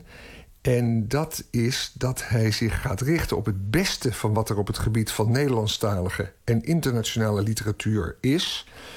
En dat hij wil gaan behoren tot de prominentste Nederlandstalige uitgevers. Kortom, dus de, de, vraag is eigenlijk, Anton, welke grote ja. schrijvers gaat hij meelokken? Want hij heeft natuurlijk een heel goed contact met allerlei uh, schrijvers die bij de bezige bij zaten. Misschien ook wel met andere schrijvers. En dat wordt natuurlijk de grote vraag. Welke grote boeken gaat hij binnenslepen? Nou, dat is inderdaad de vraag. Ik. Uh, uh, vroeg Arie Storm nog te reageren op een paar gegevens die er nu naar buiten zijn gebracht. Luister. Hij heeft wel één, één auteur vrijgegeven al, hè, die hij gaat uitgeven, zie ik. Dat is de Ierse schrijfster McBride. A Girl is a Half-Formed Thing. Uh, dat boek heb ik op zichzelf niet gelezen, die roman. Maar het is wel heel goed, weet ik nu. Uh, in de Engelse pers is het heel goed besproken. Dus uh, echt een grote... Dat is een boekenprijsachtige auteur. Dus echt een grote naam heeft hij daarmee binnen. Want dat is een, dat is een schrijfster die ook gewoon bij, bij Meulen of Querido en de bezige zelf zou kunnen worden uitgegeven. Uh, ja, dan kan hij ook types als John Irving en Donna Tart gaan uitgeven, want dan is het gewoon weer een grote speler. Ja, ja. want jij noemt nou Donna Tart en John Irving. Ja, niet voor maar niks natuurlijk. Niet voor niks, want dat zijn auteurs die Ammerlaan bij de bezige bij heeft uh, gebracht. En ja, stel nou ja. voor dat dit gewoon de leegloop van de bezige bij inluidt. Ja, dat ik wil meteen heel uh, dramatisch. Maar, uh, maar ja, uh, Ammelaan komt oorspronkelijk van, wat is het, Ambo Antos vandaan. En toen is hij naar de bezige bij gegaan. En toen heeft hij Donna Tart en John Irving... in ieder geval, ja, John Irving is toen met hem meegekomen. En als hij die grap nog een keer uithaalt... dat zou wel erg vervelend zijn voor de bezige bij. Want dat zijn natuurlijk wel commercieel grote en belangrijke auteurs. Ja, al, al met al meer concurrentie in een, in een toch vrij krappe markt. Want er zijn best veel uitgeverijen in Nederland. Die maken ook best veel boeken. En dat terwijl er nou ja, best weinig gelezen wordt. Ja, en naar verluid gaat het echt rampzalig. Ook met de bezige bij. Uh, geruchtencircuit staat niet stil. Alarmerende berichten over hoe beroerd het er aan toe is. Is nou die Robert Ammerlaan echt zo'n uh, geweldige uitgever? Wat, wat, wat, hè, wat is zijn kracht? Ik vroeg het aan Arie Storm. Nou, hij heeft de bezige bij was op sterven na dood, hè, voordat hij er kwam. Uh, het, het, ging echt heel slecht met de bij. En uh, Ammerlaan heeft er iets heel groots en moois van gemaakt. dat heeft zijn voor- en zijn nadelen. het is natuurlijk heel goed dat de bezige bij zo groot weer is geworden. Dat het een succes is geworden. De, de bezige bij is nu ja, misschien wel de belangrijkste literaire uitgeverij van, van Nederland. het heeft ook iets... Ehm, het heeft er ook voor gezorgd dat veel auteurs naar de vierde laatste tijd ook, ook naar de bezige bij gaan. Dus dat de diversiteit een beetje verdwijnt. Ja, wat is, wat is dat? Dat de diversiteit verdwijnt. Wat, wat bedoelt u daarmee? Dat, dat iedereen bij dezelfde nou, de... uitgever komt? Ja, er is een tijd geweest. Hij is uh, dus twee jaar geleden weggegaan als baas van de bezige bij. Hij zat daar toen sinds eind jaren negentig. En die bezige bij die groeide zo goed en die groeide zo hard dat eigenlijk een heleboel schrijvers van de Weeromstuit naar de bezige bij toe gingen. Hij had Notenboom, Hermans, Erwin Mortier, Kees van Bijnem, Kees van Koten. Hij kreeg van de Weeromstuit Jan Siebelink, AFTA van der Heijden, Peter Terin, Gerrit Komrij. Het was echt, uh, ze kwamen uh, af als vliegen op, uh, ja, hoe zeg je dat netjes? Op veel zoetigheid. En Stroop is ook een netjes net woord hoor. Ik mag gewoon stroop zeggen. Oké. Okay. Ja. Robert Ammerlaan gold volgens de mensen die slecht dachten als een ronselaar die schrijvers wegkocht bij andere uitgevers. En voor mensen die goed over hem dachten, was hij iemand die uh, daar helemaal geen moeite voor hoefde te doen. En iedereen die wilde heel graag naar hem toe. Maar ja, de kans dat hij nu nog een verhaal heeft liggen van John Irving of van Donna Tartt en dat die auteurs met hem meegaan, is levensgroot. Uh, ja, we hebben dus nogmaals geprobeerd hem te bereiken. Hij zegt nog even niks. En de mensen die nu al een kantoortje hebben betrokken... Uh, voor de uitgeverij die Hollands Diep gaat heten... zeiden allemaal morgen zetten we het allemaal op de mail. Morgen komen we naar buiten met meer details. Wel leuk dat boek dat ze dus gaan uitgeven van die Ierse schrijfster, heb ik ook opgezocht, kende ik niet. Blijkt te gaan om Emer McBride. En dat is een boek van een schrijfster die geboren is in Liverpool... met twee ouders die uit Noord-Ierland kwamen. Ze schreef het op haar 27ste, maar het kostte haar tien jaar... om het in Engeland gepubliceerd te krijgen. En nu haakt hij daarop in. Uh, overigens niet nadat dat boek in Engeland nu ontdekt is... en al verschillende prijzen heeft gewonnen. Maar toch, kijk, ik denk ook hoe meer uh, mensen op die uitgeversmarkt zitten... voor ons als lezers en als consument is het alleen maar leuk. En voor schrijvers is het alleen maar goed. Alerte uitgevers. Dus uh, ja, nou zo heel hoe veel... Meer, uh, hoe meer zielen, hoe meer vreugd. welkom ja. terug, Robert Ammerlaan, al met al.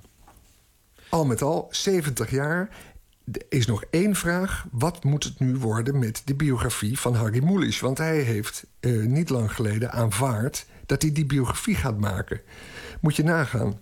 Um, en iemand die dan op zijn zeventigste een uitgeverij gaat leiden. Daar had ik het ook nog even met Arie over, Arie Storm. En die zei, ja, die Ammerlaan lijkt me eigenlijk meer een doener... dan iemand die stil en geconcentreerd aan een boek werkt. Dus wij hebben wel een hard hoofd erin dat die, uh, dat die biografie van, uh, van Harry Mulisch snel gaat verschijnen. Anton de Goede, dankjewel en een uh, hele goede nacht. Jij ook. Dag Pieter. We gaan luisteren naar Rodriguez, bekend geworden na een lange periode van stilte en een weinig succesvolle carrière door de documentaire Searching for Sugar Man. In 2012 werd hij gemaakt. Een liedje uit 1970, Inner City Blues.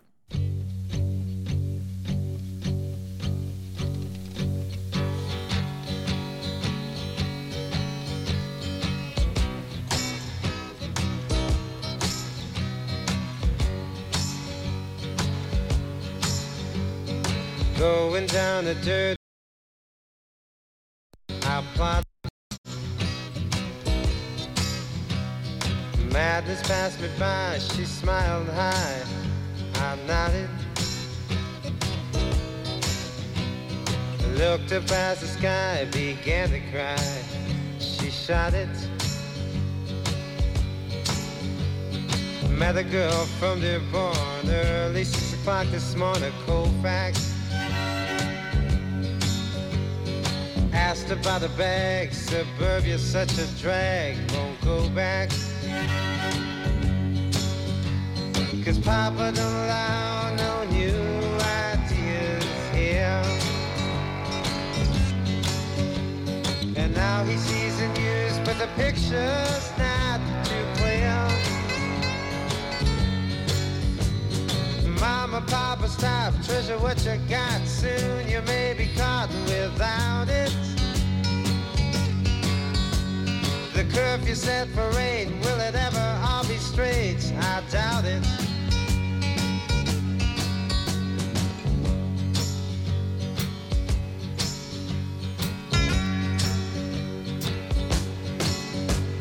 Seven jealous fools playing by her rules. Can't believe her. Feel so in between, can't break the scene. It would grieve her. And that's the reason why he must cry. He'll never leave her. Crooked children, yellow chalk, riding on a concrete walk. Their king died. Drinking from a Judas cup, looking down but seeing up sweet red wine. Papa don't allow no new ideas here. And now you hear the music, but the words don't sound too clear. Mama, Papa, stop, treasure what you got. Soon you may be caught without it. The curfew set for eight, will it ever all be straight? I doubt it. Going down the dusty Georgiana side of the road, I wonder.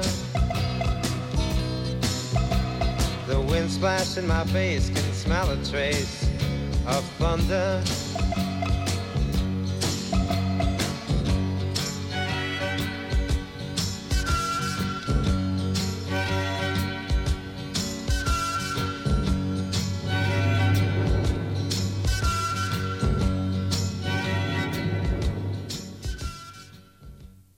Inner City Blues van Sixto Rodriguez. En, eh, nou ja, de zanger bekend geworden van de documentaire Searching for Sugar Man.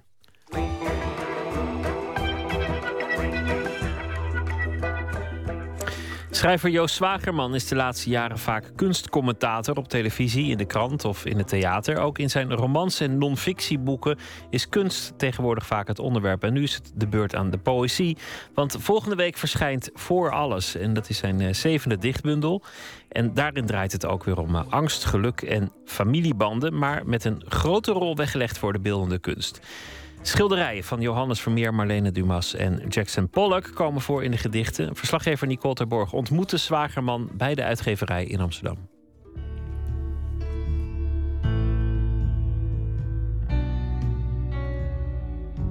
Uh, dit was nog ingewikkelder met een heel katern. Maar plaats je alle illustraties waar het om gaat in de tekst. Dus gewoon klein, maar dan, in de tekst. citaat En dan is het citaat Ja. En dan doen we dat dikke papier. Dus Eh, niet toch wel. romandruk. Eh, Ja, en dan desnoods gewoon in zwart-wit afbeelden. Ja, precies. Je moet al je vroegere werk terzijde schuiven en net doen alsof je aan je allereerste werk begint. Tenminste, dat, dat, zo werkt het voor mij. Voor de meeste onbenulligheden, groot en grote. Voor de ontijd van mijn ouders, toen vanaf kansels en in kazuifels men met hel en nauwe poorten dreigde. Voor sommige geluiden en het levende bij die geluiden. Voor mails en sms'en, voor enveloppen op mijn tafel. Voor dromen en demonen, voor uitsluiting en vrijwel alle onbekenden. My painting is direct. I usually paint on the floor. I enjoy working on a large canvas. Ik zet hem even op eh, pauze. Ja, wat leuk dat je dat eh, laat zien. Ja, hier bij de uitgeverij. En ehm, nog voor de publicatie hè, van je dichtbundel, je zevende om precies te zijn. Wat zien we hier? Eh, je liet mij een stukje zien van een film van Jackson Pollock. Gemaakt, gemaakt door Hans Namoet, zeg ik uit mijn hoofd, als ik het goed heb. En deze Hans Namoet volgde Pollock een aantal maanden lang. En Jackson Pollock liet eigenlijk hier zien hoe hij zijn schilderijen maakte. En het belangrijkste was, hij, eh, zoals 99 van de 100 kunstenaars, werkt op schildersezel. Of in ieder geval aan de wand. Hè, dat je iets aan de wand zet en dan gaat schilderen. Hij legde de doeken neer en ging er vervolgens als een soort danser omheen aan het werk. En die drippings kwamen zo eh, op het doek. En hij moest in een soort trance geraken om die werken te maken.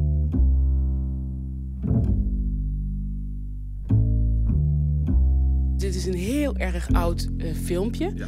En als we kijken naar eh, jouw bundel, het bestaat uit twee gedeeltes. En het tweede gedeelte, nou, beeldende kunst is gewoon het belangrijkste onderwerp. Wat is dat toch met jou en beeldende kunst? Ja, Eigenlijk is het zo dat ik al vanaf mijn debuut, De Houtgreep, uit 1986, kunst een rol geef in mijn boeken. Dus in die zin ligt het wel eens in de lijn der verwachting dat ik ook in poëzievorm een plaats geef aan de kunst. Tot op heden is dat eigenlijk niet geweest. In, jij zei al, dit is mijn zevende bundel. En in de zes voorafgaande bundels nou, in de vijf voorafgaande bundels heeft kunst al een rol gespeeld. Maar echt een grote rol speelde het in het boek uit 2010, Beeld verplaatst. Maar dat waren echt gedichten bij hun kunstwerken. Nu doe ik het anders in voor alles. Nu laat ik, kijk, de ik-figuur kijkt als het ware naar zijn geliefde, zijn partner, zijn muze. En probeert eigenlijk te zien wat zij ziet. Als jij en ik samen naar het Stedelijk Museum gaan... en wij kijken naar nu de huidige tentoonstelling van Marlene Dumas... dan zien jij en ik misschien toch, terwijl we naar hetzelfde kunstwerk kijken... twee totaal verschillende werken. Voor gebouwen zonder ramen. Voor doodgaan en voor alle doden, in films of van nabij. Voor dood zijn misschien iets minder. Voor deze constatering, voor constateren. Voor kinderen die vragen stellen, maar meer nog voor die vragen. Voor schijnbewegingen, herhalingen en de grandeur van allerhande eeuwigheden. Voor alles altijd overtuigd, hoog in de adem en zuiver in de leer, tot in het merg bang geweest, op het stupide en futiele af, met oogkleppen en hondentrouw. Voor alles altijd bang geweest, ook in tijden waar je alles op de vingers van één hand. Voor alles altijd bang geweest, maar niet voor jou, nee, niet voor jou. Het eerste gedeelte van de bundel voor alles is echt, zal ik maar, zijn, zal ik maar zeggen, een kleine autobiografie van de angstkunstenaar. Zal ik maar zeggen. In het tweede gedeelte. Heel persoonlijk ook. Uh, ja. dit, dit, is wel een persoonlijk gedicht, maar ik, ik ging me op een gegeven moment voorstellen uh, hoe het zou zijn. Of, laat ik het zo zeggen, hoe zou de wereld eruit zien als je voor alles bang bent? En vervolgens heb ik heel lang gewerkt met een bepaalde opsomming en een bepaalde cadans en een bepaalde ritme. Uh, ritme. Er moest een bepaald soort bezwering in zitten. Het moest ook een beetje claustrofobisch worden. En uh, als je voor alles noemt, moet je ook een heleboel weglaten. En Waar dat... ben jij bang voor? Uh, nou, ik heb zelf enorm last van hoogtevrees. Maar dat is een tamelijk prozaïsche vrees. Uh, dat is gewoon echt een hele huistuin- en keukenvrees. Je moet mij niet op verdieping 8 zetten van een, van een, van een hoogbouwflat om daar, een, uh, om daar een appartement te gaan bewonen. Dus woon ik echt liever op etage 2. Zo erg is het zelfs. Weet je, als ik al weet dat iemand achterhoog woont, dan denk ik, oeh, weet je, straks gaan we uit het raam kijken. Maar dat is de huistuin- en keukenangst. Voor het overige, uh, laat ik het zo zeggen, ik heb genoeg fantasie om zo'n gedicht te maken. In de trein en oortjes van de iPod in gaf jij lijfblad in je weergaloze hand een ingekeerde remix weg van Gerhard Richter en Good Old Vermeer, lezende zoals de trein jou zonder moeite lezen kon, bij het gesloten raam, tweede klasse, intercity, neigend naar het eertijds lezend meisje bij het open raam, haar pofmouw twinkelend van schier denkbeeldig groen-goud-geel. op een gegeven moment ga je denken: wat, is nou wat zijn nou echt de dingen die uh, het leven de moeite waard maken? Wat is nou, wat, kun je nou, wat is nou het mooiste, mooiste ter wereld? Hè? Behalve de mensen die, van wie je houdt. Je zou kunnen zeggen, sommige uh, muziekstukken van Bach, Schubert, misschien uh, bepaalde nummers uit de popmuziek. en voor mij geldt dan dus dat schilderij waar je eigenlijk nooit genoeg naar kan kijken. eh, het brieflezend meisje van Vermeer. Dat is van een zodanige eh, serene verstilling. Zo, zo puur en zo... De wereld is er eigenlijk mooier dan, onze, dan, dan, dan wij ons kunnen voorstellen. Het schilderij van Johannes Vermeer, hè, dat heeft jou ook troost geboden als we kijken naar een tijd geleden. Hè? Je bent nu gelukkig, je hebt ook momenten gekend waar je niet gelukkig was. Op wat voor manier heeft dit schilderij je toen troost eh, geboden? Nou, ik heb het niet voor niets in deze bundel opgenomen. Stel, ik, zoals ik in, zoals ik in gitzwarte tijden zat... en een, een tijd lang echt redelijk somber eh, was... waar kun je jezelf dan mee helpen? Met van, je kunt jezelf nou, oppeppen, eh, er komen betere tijden... maar dat, dat, is, dat kunnen wij uit ieder handboekje krijgen. Maar je kunt ook zeggen, genoeg eh, gesomberd... laat ik mezelf troosten met het, met het lezen van datgene wat ik het mooiste vind... met het luisteren naar datgene wat ik, waar ik het meest blij van word... en met het kijken van nou, datgene wat ik het allermooiste vind. En dan is het heerlijk om naar een geweldige reproductie... op groot formaat te kijken van dit werk van Vermeer. Er is nog hoop, want er worden mooie dingen gemaakt.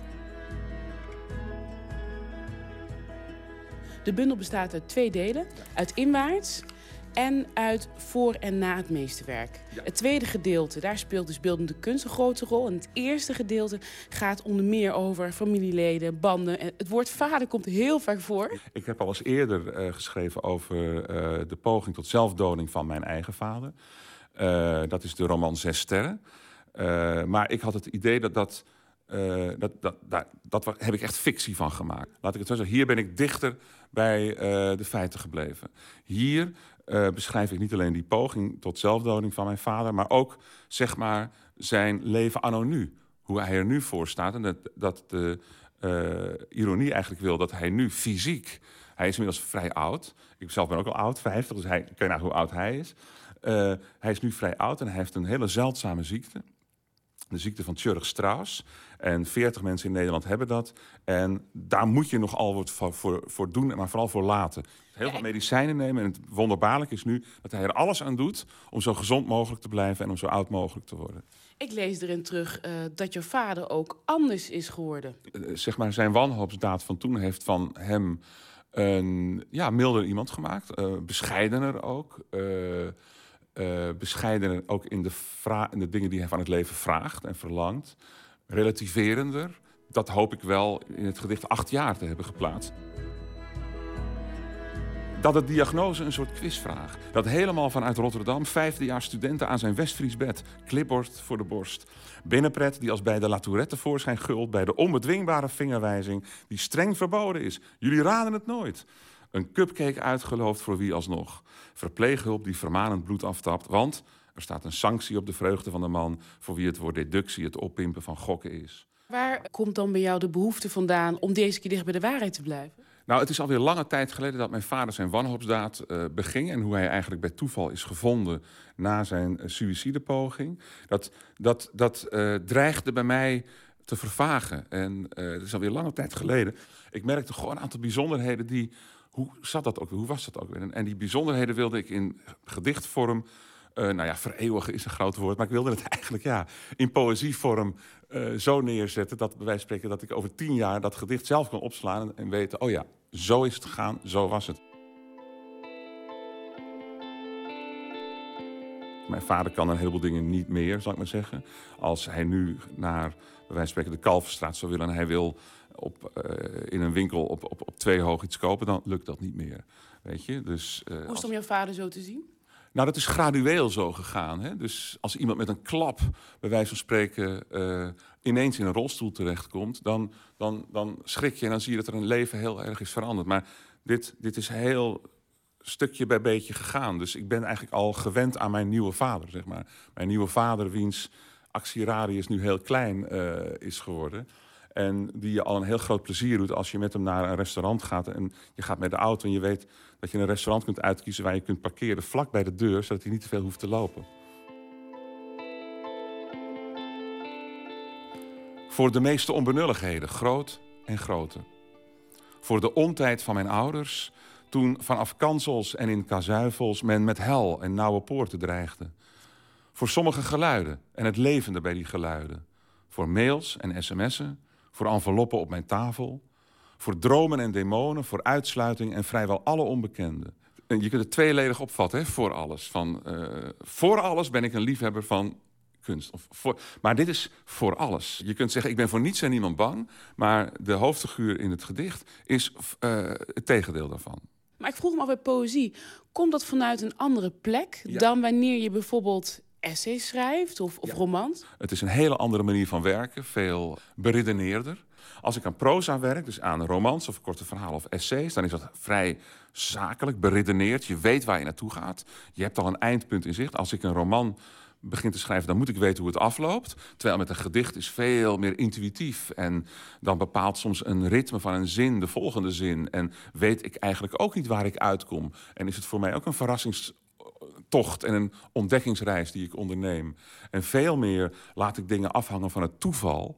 Ik gebruik hier ook woorden in die ik eigenlijk nooit zou, zou gebruiken in, in romans. Hier een veilig helse stad, dat, dat hele woord bestaat niet.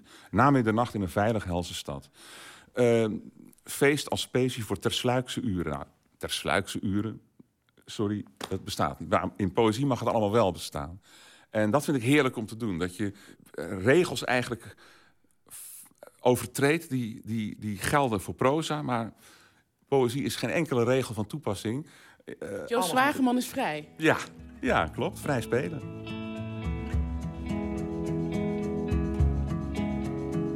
Het zijn wel gedichten over beeldende kunst, maar in, ik beschouw ze eigenlijk als liefdesgedichten. het, is een dans tussen, tussen de beeldende kunst en, en jouw relaties. Ja, precies. Ja, het is, het is, ook, het is ook opgedragen aan, hè, aan voor M staat er. En zij is die persoon naar wie ik kijk terwijl zij naar kunst kijkt. Hoe zit het met de liefde? Uitstekend. De liefde komt op de eerste plaats. De, de, kinderen komen op de eerste plaats. Dan komt er een hele niets. Dan komt er je, je, je, je, datgene wat je zelf maakt.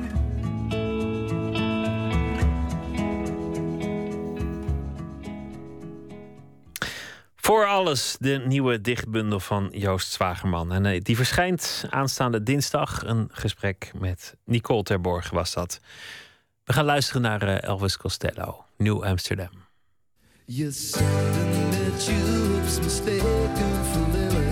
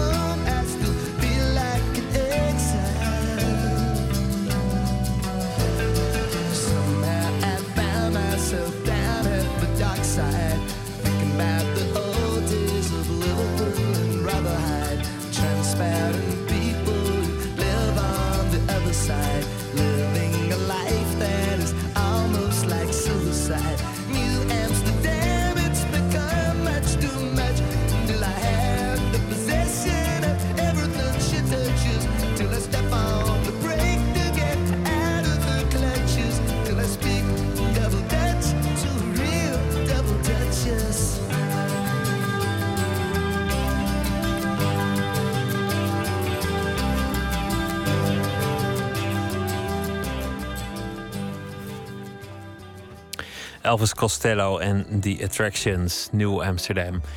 We zijn aan het einde gekomen van deze aflevering van Nooit meer slapen. Morgen dan zijn we er weer. Dan zit hier eh, mijn collega Anton de Goede in gesprek met uh, schrijfster Emma Curvers. Die schreef een roman Iedereen kan schilderen. Via Twitter, het VPRO-NMS of via de mail nooitmerslapen.vpro.nl. Ik wens u een hele goede nacht. Straks op deze zender Astrid de Jong in haar uh, hoedanigheid als nachtzuster. Veel plezier daarbij en een uh, hele goede nacht.